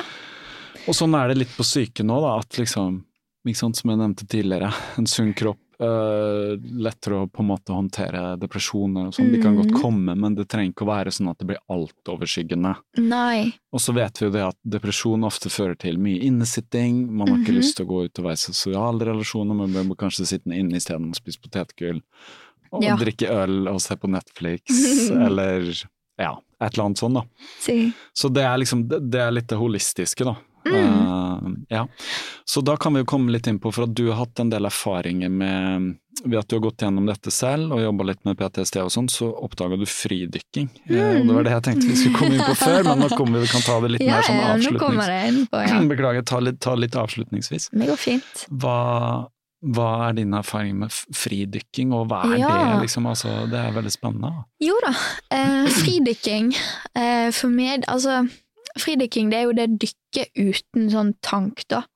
At du dykker rett og slett med på egen lungekapasitet. Mm. Eh, veldig forskjellig da fra scuba diving og sånt. Um, så fridykking for meg ble faktisk noe jeg engasjerte meg i over pandemien, da. Covid-perioden. Um, så jeg bodde jo nesten et år i Dahab i Egypt, som er en sånn diving-mekka, Ja. kan du si. Og Som eh, ligger, jeg så på kartet, ligger mot, hva heter det der nede? Uh, South Sinai, så dette blir nord for Sharm el Sheikh, da. En Ja. time nord for Sharm el Sheikh. Men det er jo sør i Egypt. Ja, det er Sør-Egypt, så liksom, hva, er det havet ut der? Rødehavet. Det er Rødehavet. Ja, og så er det liksom rett opp Du kan se Fra Dahab så kan du faktisk se rett over, rett over fjorden til eh, Hva er det Nei, det er ikke Hva heter det nå igjen? Mm, Saudi-Arabia? Ja, Det er vel det. Mm. Ja. Så der, ja. der var du litt sånn tilfeldig, eller at Ja, det ble litt sånn tilfeldig, for jeg jobbet jo i London på denne perioden, da. Dette Mm. er 2020, når eh, ja, pandemien virkelig slår til, og i hvert fall i London, når denne delta-varianten ble virkelig utbredt. Så det var en sånn hard lockdown. Ja. Og eh, jeg fant ut for meg selv jeg gidder ikke være her. Så jeg stakk til Egypt, jeg, og Mm. fant ut at det er sikkert bedre der. Mm. At jeg ikke sitter inne helt sånn eh, ja, fastslått i leiligheten om å sitte Mm. dag inn og dag ut. For du kunne liksom godt jobbe der, eller forske der, eller Wifi, det funka, det. Ja, ja. Så det var det jeg gjorde. Men også for min del så var det òg en annen måte å utfordre meg sjøl på. Sånn så på samme måte som ayahuasca hjalp meg å få bukt på PTSD igjen, så hjalp fridykking meg å få bukt på frykten for eh, skal vi si havet, eller alle de dyrene som sikkert ikke eksisterer, finnes der, da, i hvert fall i mitt hode. og da var det liksom sånn talosofobia som var veldig sterkt hos meg, da. Hva er det? Det er sånn frykt for, for dypet og Ja, ja. skal vi si, vesener som lever i dypet. da. Mm. Så for meg så var det det at jeg spilte Nintendo 64 som liten, og så var det en sånn Super Mario eh, Eller en del der Super Mario skal dykke ned til et sånt skip, så er det en sånn stort ål. sant? Sånn der sjøuhyre. Det var et bilde av det i den presentasjonen din. Ja, han er litt søt. Det var litt morsomt. Jeg vet ikke hvor eh, Jeg vet ikke hvor, men ok, vi kan bare, du kan Mm. Bare fortelle, da. Men det, Ja, ja, det ja. syns jeg var litt morsomt, for du er litt, litt traumatisert av å spille Ja, ja, Nintendo 64, sant? Det, er ikke, det er ikke drukning det er snakk om. Her Men det. Ja. Jeg tror det er liksom det at um, det å være litt redd for det ukjente tror jeg er veldig relevant her, og det var jo. sånt Det er jo et element som jeg ikke er kjent, kjent med. Mm. Men det ble et element òg der jeg, når jeg da dykket dypere og dypere, så dykket jeg òg dypere inn i meg sjøl. Og det tror jeg òg var en veldig viktig del av å få, komme liksom ut av denne PTSD-diagnosen, da, fordi at jeg koblet på kroppen på en annen måte.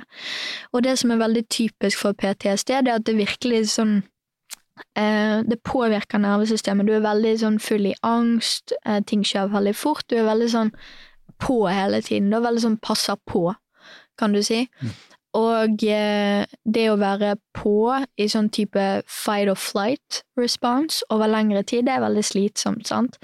Og det å roe ned, det er no, no. Vi roer ikke ned, for vi må være på vakt. Mm.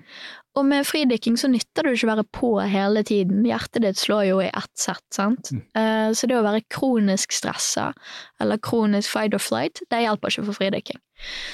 For da bruker du opp oksygenet og sånne ting. Ja, så det det, er gjelder også... å være mest mulig rolig når du skal dykke ned Ja. uten oksygen. Ja. Ja, fordi da, da varer det oksygenet du har, lenger. Mm. Så det var liksom det jeg måtte lære meg, da, å roe ned. Og eh, det å koble på kroppen inn i dette her, eh, fikk jo meg til å tenke på at vi må sikkert gjøre det samme med, med psykedelika. Sant? Hvis det skal fungere, så er det greit å ta vare på å sette en setting, sant? men hva med bodyset? Sant? Hva med forberedelser før du skal inn og dykke in your unconscious, Ja. for å si det sånn? Ja. Du kan ikke komme inn i det superanspent og, og stressa, Nei, kanskje? sånn, så du må Selvfølgelig så funker det for noen at de er deprimert og har PTSD, at de tar det, sant? At Mm. den terapeutiske delen hjelper litt, men jeg tror kanskje det kan hjelpe enda mer hvis du tar inn diett og, og sånne ting, Mm. og kutter ut alkohol og, sånn, og sånt og sånt. Men da kommer du òg, hvis du drar den langt nok, inn på det at kanskje psykedelika faktisk bare er en del av det. Altså psykedelika er jo en katalysator i en prosess til å eh, liksom skjønne på følelser. Mm. Men det som har ført til at du har eh, liksom pusha vekk følelsene, og det som gjør at du har vondt i ryggen, kanskje det er fordi at du sitter altfor mye, at du ikke er nok i aktivitet. Så det er sånn, der trenger man egentlig psykedelika, der trenger man bare å endre livsstilen. Ja, nettopp. Det er litt interessant. Sånn at det er Mm. ikke en uh, snarvei til. Men hva, hva, var det, hva var det du tok med deg fra dykkingen videre i livet ditt, eh, holdt jeg på å si, for å finne for å finne litt mer ro, da? Eller for å finne Ja. Bli litt mer integrert i kroppen, eller hvordan jeg skal sette ord på det. Det var jo det å bare mer aktiv, da. Når jeg bodde i London, så er jo det en skal vi si, en hovedstad der det blir veldig mye jobb, og at det var veldig sånn konkurransepreget miljø. Eh, så det blir sånn at du må prestere hele tiden. Men jeg Og litt mer stressende. Vet jo hvordan London er med Ja. tuben, og det er jævlig mye folk, og det er mye som skjer, og ja. Ja. Men det som er liksom fellesnavnet, eller det jeg dro ut av alt jeg har vært igjennom til nå i livet, det er liksom det at balanse er en bra ting. Mm. Balanse innenfor å prestere, balanse innenfor å skille. Sant? Og gjøre disse tingene litt sånn i bølger. Mm. Sant? At du ikke skal overstresse systemet, men du skal ikke understresse det heller, da. Mm. Så for min del det det så som kalles equilibrium? Ja, liksom find the equilibrium, ja. Ja. Det er sånn homoistasis òg som blir Ja. snakket om. Um, Det er litt stress er sunt, eller finnes Ja. sunt stress, sånn som man overførte til trening når vi løper en ja, det er intervalløkt. Ja, Mm. intervalløkt er liksom et visst stress på kroppen, sånn at får den liksom mat og hvile etterpå, så vil den å, ok, her ble jeg stressa, nå må jeg prestere bedre, så Ja. vokser den. Ja, derfor det funker, ikke sant. Så det er litt sånne ting. Mm. Mm. Mm. Og det er jo med tanke på emosjoner og sånt, det er liksom Hvis du kjenner på at noe gjør deg sint eller irritert, så er det faktisk en, en, en eh, mulighet til å liksom lære fra det. Ja. Noe du kan lære fra å bli bedre på, Mm. for eksempel. Sant? Og det er gjerne knyttet opp mot eh, disse needsene vi snakket om før. Sånn kjærlighet, eh, bli forstått og eh, operere fra et ståsted på frihet. Sant? Mm. Så det at hvis eh, friheten din blir limited, så blir jo du sint, eller sammen Mm. hvis du ikke føler at eh, du blir forstått, sant? Veldig frustrerende. Ja. Bare se på barn som ikke blir forstått. Ja, Superfrustrert. ja, det er ikke å sammenligne. Men rent konkret, hvordan uh, gikk denne dykkingen? For jeg vet at du har på en måte Du gikk litt inn i det. Altså Ja da. du konkurrerte og liksom Ja. fant en ny Så fortell litt om det, da. De, de helt sånn konkrete tingene. Ja, eh, det var liksom det at jeg føler at jeg fant mer eh, roen i systemet mitt, Mhm. og eh, mer, skal vi si, in tune med denne energiballen som er sjelen. Mhm. Og eh, ble veldig obs på at balanse er veldig viktig, som, som da hadde en innvirkning på hvordan jeg jobber. Jeg, før så satt jeg gjerne 16 timer om dagen. Nå er ikke det så lenge. Nå gjør jeg ulike ting. Um, Og det har vært veldig, veldig givende. Jeg er veldig fokusert på å fortsette og skal vi si um, challenge meg sjøl, da. Utfordre, ja. ja. Utfordre meg. Mm. Og bare fortsette å kan vi si, optimisere meg, Malin, da. Ja. Um, ja, så det, det er liksom det, det store og hele med for- fridykking og så den ja, konkurransen. For, fortell helt konkret om hvordan et dykk kan være, da. Hvordan det er um, jo, Hvordan forbereder man seg, bortsett fra liksom helhetlig og sånn, men man skal dykke uten oksygen, sånn, du må puste inn på forhånd, og du må gjøre sånne Ja. ting, ikke sant? Hva, hva gjør du da? Oksygenere kroppen? Vi vet jo litt om, snakker litt om Wim Hof-metode og pusteteknikker og, ikke sant? Jeg vet at det er um, vi har lest breaths, vi vet at det er liksom I kroppen så er det også en balanse mellom karbondioksid og oksygen, og Ja. avhengig av hverandre og sånne ting. Ja. Så, hva, så hva gjør du når du skal dykke? Mm. Så bortsett fra å gjøre alle ting som er utenfor vannet, sånn sove bra, drikke mye vann, så nå tenker jeg, nå skal jeg forklare det som skjer. Når jeg ligger på overflaten og skal til å dykke, så er det det at det er en periode med sånn breathe up, som vi kaller det da. At du da prøver å roe ned, sant. Du skal puste med magen, virkelig roe ned systemet. Og eh, prøve å sone helt, helt ut, eller inn, kan du si, inn i kroppen din. Der ingenting annet gjelder enn bare det å puste.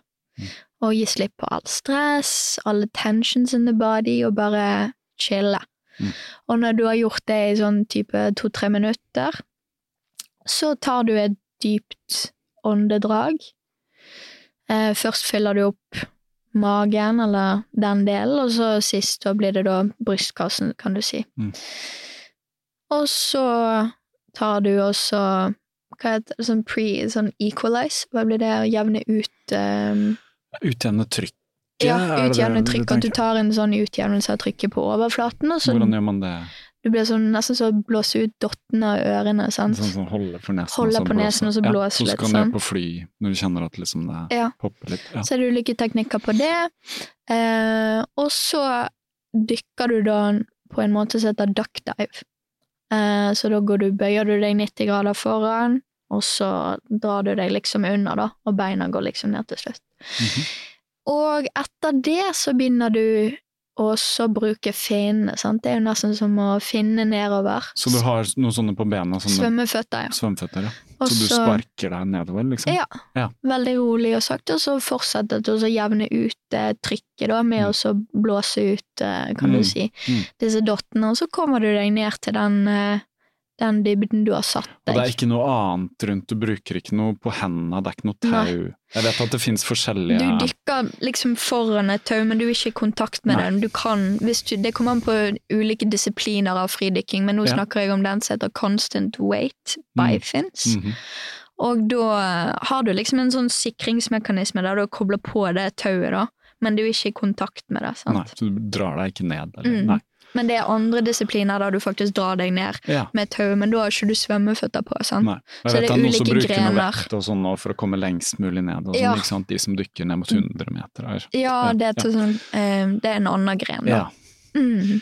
Så du, du kommer deg ned på egen hånd, ehm, og så blir det jo trykk fort, så vidt jeg har skjønt. Ehm, så det, det må du få utjevna, hvis ikke så blir det Ja, du må jevne ut, ja. Ja. Og så på et eller annet punkt så må du vel kjenne at du er så dypt at liksom Kjenner, du på den derre pustenøden som vi gjør når vi holder pusten? Selvfølgelig, den- selvfølgelig. ah, Det derre Men det er det vi blir, vi, vi blir trent på, så liksom For det er en reaksjon i hjernen som er sånn nå må vi puste, så Ja. da kommer den. Det er ikke det at den nødvendigvis holder på å gå tom for luft, eller Nei, sånn, det som skjer da når du kommer, i hvert fall for min del, når du kommer ned til tolv meter, så synker du, sant? Da er det gjør det. negatively buoyant. Aha. Så da trenger du ikke å gi så mye eh, Som på et eller annet punkt da. så synker man av seg selv? Ja, ja, ja. Ah, ja. Hva handler det om? Unnskyld Det handler om med sånn buoyancy at du eh, det, sånn her, For meg, Mm, over tolv meter, mm, så flyter jeg opp. mm. Men fra tolv og nedover, så synker jeg. sant? Og det har litt med sånn vektdistribuering og, og sånne ting, da. Men det gjelder for mennesker, Alle. ja. Ja, ja, Så litt i forhold til kroppsvekt eller høyde eller whatever, så, så er det forskjellige dybder. Ja. -hmm. okay. Sant. Og så, ja, så er det det med fridykking at vi, vi dykker jo på egen lungekapasitet og, og egen sånn oksygenkapasitet. Mm. Um, og vi kjenner jo da på, på en eller annen form uh, på den, skal vi si, lysten til å puste igjen. Ja. Men vi blir jo trent til å liksom håndtere det indre stresset som gjerne kommer med å ikke få puste og, Mm. og sånt, sant? Så For det er ganske ekkelt. det, er ikke, det er ikke så gøy. Liksom Nei, nei. Oppbyggingen av eh, eh, CO2, Ja. den kan være ganske heftig. Det er Den litt er, sånn, ja, ja. den er lagd for å være Altså, det er en reaksjon i kroppen på at liksom Ja. Slipp ut. Og det er det jeg, jeg har sagt mange ganger, at uh, hvis man holder pusten, så er det jo ikke mangel på oksygen som får oss til å føle den kvelningsfornemmelsen, det er oppbygging av CO2. Og det, det er litt det samme som man løper et veldig hardt intervalldrag. La oss si at det er siste du løper, Løping, ja.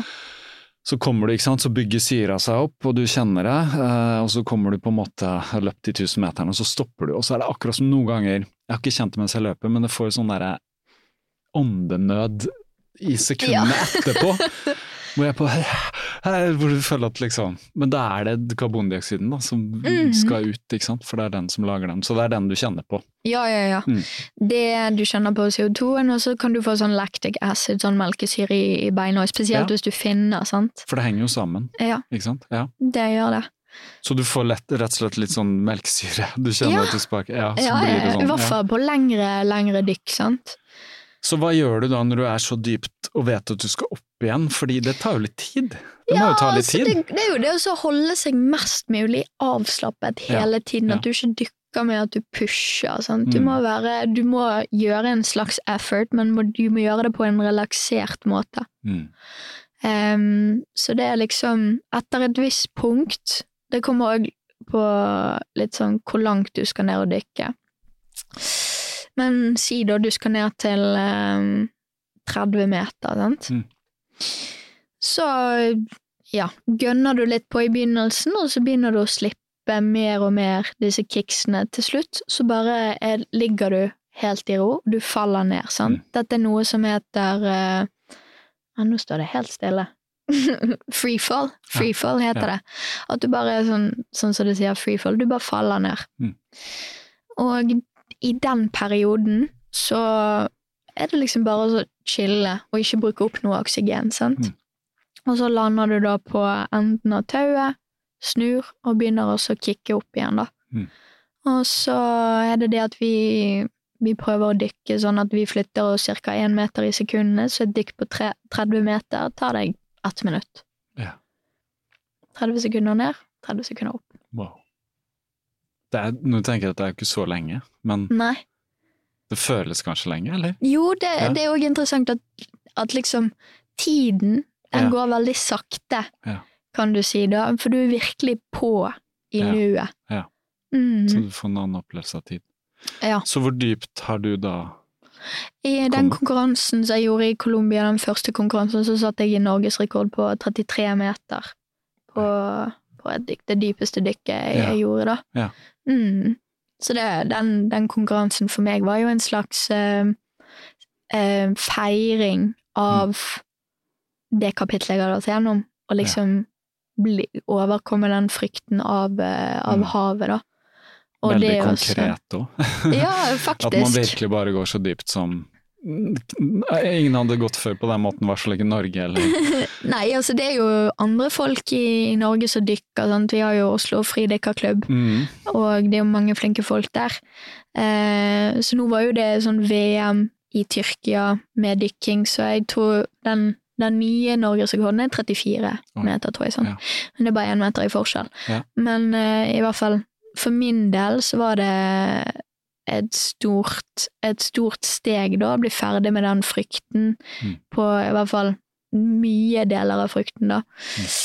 Og liksom starte på det nye kapitlet om å dykke som en atlet, kan Ja. du si. Ja. Og bli ja, bedre og bedre. Har, har du fortsatt med det? Uh, Ja. Jeg skulle egentlig vært på, på VM i Tyrkia, Mhm. men uh, på grunn av Ja, jeg jobber jo på siden, sant. Jeg har jo ikke Ja. tid til å gi det alt, og mm. være sånn fulltidsatlet. Mm. Så igjen, sånn, balanse er jo veldig viktig for meg, så det at jeg kan prøve å gjøre begge ting, og få til kule ting på hver side, er jo Mm. allerede suksess for meg. Mm. Um, så det er jeg veldig fornøyd med det. Um, og så var det det at i forhold til VM så slet jeg veldig mye med betennelse i øret Aha. i juli-august, så det, det hjalp liksom ikke det heller, sant. Det kan man ikke ha, sånne ting. Selvfølgelig. Nei. Så jeg slet litt med det, så da fant jeg ut at jeg, jeg må bare ta en liten pause, i hvert fall for, for å dykke dypt. Ja. Men jeg eh, dykker jo fortsatt i basseng, sant. Jeg er Mm. med på trening her med Oslo Fridykkerklubb, så Mm. jeg trener meg opp mot bassengkonkurranser nå, da. Mm. Mm. og skal fortsette med dybdetrening når det blir mer vi si, rom for det, da, i forhold til jobb og, og Ja. sånt. Fordi at hvis det er mye som skjer, så må jeg nesten være der det skjer. Det er klart. Jeg kan ikke være i ørkenen i Egypt. Nei. Nei, det skjønner jeg. Hvor enn kult det høres ut. Men det høres Mm. deilig ut å ha pandemien der, da. Jeg tenker at Ja, oss ja, som satt her og gjennom norske vintre. Si. Eh, men hva, hva skjer framover, da? For nå vet jeg at nå må vi gi oss eh, når vi pusha det langt her, altså. Ja. uh, hva, hva skjer framover? Uh, skal du til Australia, eller hva? Jo. Nå er du her i Norge, vet jeg, en periode. Mm. Skal du være her litt, eller? Nå blir det i hvert fall det som skjer i forhold til Australia. Jeg må jo ha visum, og så må vi få inn penger til å faktisk gjøre den studien. Så jeg sitter egentlig og venter litt på at de pengene skal komme gjennom, så jeg har mye skal vi si, samtaler med investorer. Så Ja. det er liksom sånn fundraising Mm. um, space-fase jeg er nå inne i, da. Ja.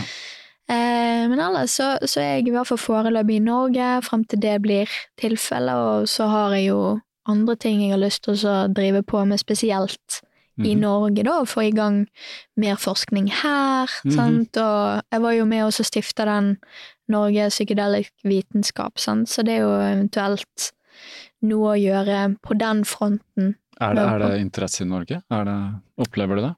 Interesse i Norge? Ja. Mm, mm. Jeg har egentlig lagt, eller ventet på uh, den rette tiden å komme tilbake til Norge på og liksom bruke det jeg har lært. Mm. Og nå føles det ut som den tiden har kommet. Ja, ja. Mm. For det er vi er litt bak eh, verden, på et vis. Ja, men så var det det òg, med tanke på, på fordommer og sånn tabu, sant. Nå det litt, virker det litt lettere. Mm. Nå er det liksom sånn dette tunge grepet i det som var eh, Sånn skal vi gjøre det, liksom. Nå Mm. begynner det å løsne litt. Ja. Og så er det det å smi mens jernet er varmt. Ja. Så du må legge et lite trykk på Ja, men interessant, da. Eh, veldig interessant. Mm.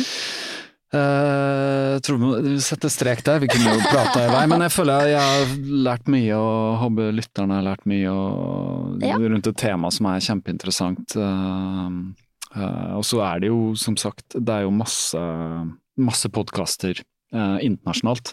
Ja.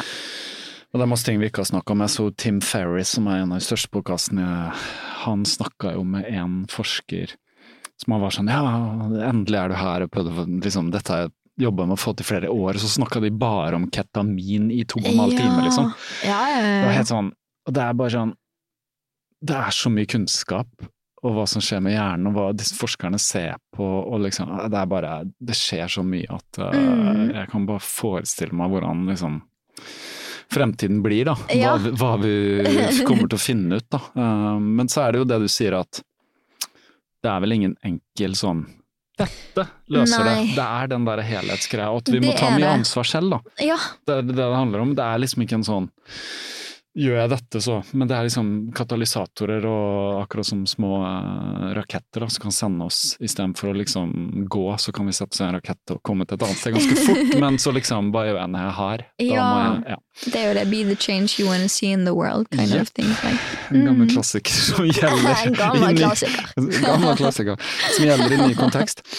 Ja, ja, ja. Eh, nei, men veldig gøy. Er det noe du har lyst til å si som ikke jeg har eh, fått spurt om? Nei, altså, Nei, jeg, jeg tror det er liksom det at dette temaet det er så stort, og det er så masse man kan si, så Men hvis Ja. det er noe sånn, hvis noen tenker wow, dette er litt interessant, det er vel Er det noen sånn bok eller dokumentar eller noe sånt som du Når du møter folk som er sånn, er det noe sånn mm, Pleier du å si til noen sånn ja, les den eller se den dokumentaren, eller noe som kan lære noe Ja, altså, det var jo den pollen vi snakket Michael om. Pollan kan jeg, kan jeg linke til. vet du, How Altså, men jeg er jo sånn her, jeg er jo sånn bokorm, jeg elsker jo bøker, sånne Ja. knowledge babies. Så Ja. det er jo, jeg tror den som er veldig relevant nå, Mhm. å liksom forstå hva som hva problemet er, kan Mhm. du si. Det er den boken av uh, Gabor Maté. Det er det. The Den som kom ut nå. Ja. Og da kan jeg si at han er blitt stor. Han var på både Rich Roll-podkasten og på um, godeste Tim Ferris, Ja. som veldig mange kjenner til.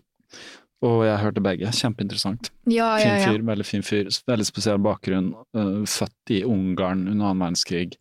Opplevd traume med moren, måtte liksom bort, og de var jøder, og det er liksom ja. Og han er lege der. også, ikke sant? Og Han er overlege lege ja, og så han- har i hvert fall delfasilitør på ayahuasca-retreats Ja. i Peru. Ja. Så han har veldig mye innsikt òg med psykedelika, sant. Eller ikke veldig mye i forhold til forskere, men han Men har han- liksom kjennskap til det. Mm. men så vidt jeg har skjønt, så kom han til det liksom seinere, eller han har jobba med mye ja. Men ja, Så det er masse Gabor Maté, jeg skal linke til den. Uh, hva het den? Den siste? The? Myth of Normal. The Myth of Normal, ja. Fin tittel òg. Mm. Nei, men kult, Malin. Jeg bare si tusen takk for at du tok deg god tid. Uh, prate med meg. Jo, tusen takk for får du Så får du lykke fikk til videre med forskningen og um, fridykkingen og alt annet. Yes, takk. Da er det bare å si uh, takk for lytt. Uh, at dere tok dere tid.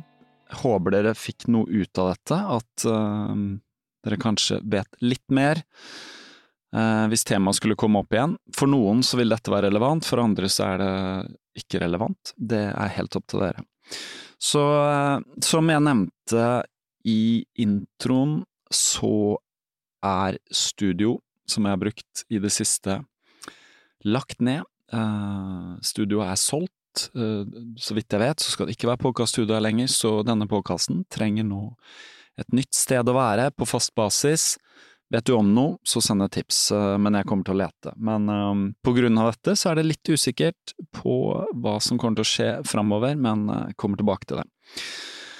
Og så vil jeg bare si, uh, uten at jeg er betalt for å si dette, bare takk til Garmin Norge, som uh, erstattet min Fenix-klokke, som imploderte uh, en natt når jeg sov. Eh, jeg fulgte vanlige forskrifter og, og sendte de en mail til support, og de ba meg sende et bilde, og det gjorde jeg, og så kom hele prosessen med å sende inn klokka. Eh, de så på den og sa at de eh, trengte erstatningsenhet, så etter en stund, mye tålmodighet, absolutt, fra min side, så trengte jeg en klokke for å kunne løpe det som var planen, Lillemarka rundt, guidet av, dere vet, GPX-spor, eh, kart, rett og slett, funksjonen på klokka. Eh, og da var Garmin veldig flink til å bare lytte til mitt behov, og sendte meg en ny klokke som erstatning for den som ikke stikker. Så jeg vil bare si tusen takk. Eh, den, det er ikke så ofte man opplever at eh, man har support på et nivå hvor man virkelig føler at eh, man blir hørt og satt pris på som kunde. Så Jeg er ikke betalt for å si dette, men det var, opplevelsen min var uh, meget positiv med Garmin og hvordan de håndterte alt dette her. Så igjen takk. Så vil jeg bare også nevne, som jeg har uh, jeg, vet, jeg har kanskje nevnt det litt på Instagram, historie og sånn, men jeg hadde liten, et lite runstreak-prosjekt. Um, jeg ville se hvor langt det var mulig å holde det gående med løping daglig. Den runstreaken er nå endt Eh, jeg satt uh, en, eh, for meg, personlig rekord på 50 dager løping på rad, som endte da opp med en 50 km lang tur som var Jar Allehelgens Ultra. Så jeg vil bare benytte anledningen også til å takke Svein Erik Bakke og hans nå hustru til å bli, Torunn, for et veldig fint arrangement hvor jeg løp med noen kjente og noen ukjente. Så det var veldig gøy. Jeg skulle løpe Lillemarka rundt, som nevnt, men en, et tilfelle av vannkopper på min yngste datter satte en effektiv stopper for det der, og den uka var eh, noe røff hva søvnen angikk. Men eh, jeg er i gang med løping igjen, eh, slitne bein, men eh, jeg har på en måte kjent hvor eh, min egen grense går, og så var det ganske viktig å bare lytte til kroppen og vite at på et eller annet punkt så bare stopper man, og så tar man en hviledag. Jeg tror det er viktig. Sånn, da var det sagt. Takk til Patrions som støtter i tykt og tynt. Jeg har satt opp en fellesløp i den sjette er det vel, så hvis dere hører dette, så skal det være en fellesløp. Um, det kan du finne ut via Patron-siden, eller på rippel.run. Uh, der ligger det nå Kaptarepåkas som løpeklubb. Uh, så hvis du vil henge med den sjette, så gå inn der og sjekk. Um, det blir i hvert fall, håper jeg, min uh, superduper patron Erik og jeg som løper, og kanskje noen andre. Heng med om du vil. Da er det bare å si uh, ha en god uh, dag, eller aften, eller natt, eller morgen, eller uh, hva som helst, når som helst. Her kommer Sondre Leikes gitar. Takk igjen, alle sammen, for lytt.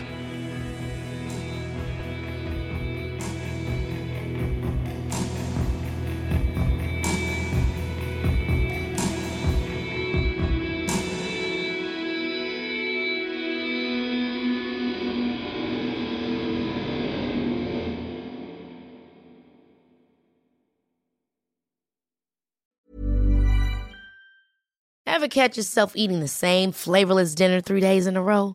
Dreaming of something better? Well, HelloFresh is your guilt-free dream come true, baby. It's me, Kiki Palmer. Let's wake up those taste buds with hot, juicy pecan-crusted chicken or garlic butter shrimp scampi. Mm. Hello Fresh. Stop dreaming of all the delicious possibilities and dig in at HelloFresh.com. Let's get this dinner party started. Planning for your next trip? Elevate your travel style with Quince. Quince has all the jet setting essentials you'll want for your next getaway, like European linen, premium luggage options, buttery soft Italian leather bags, and so much more. And is all priced at 50 to 80% less than similar brands. Plus, Quince only works with factories that use safe and ethical manufacturing practices. Pack your bags with high-quality essentials you'll be wearing for vacations to come with Quince. Go to quince.com slash pack for free shipping and 365-day returns.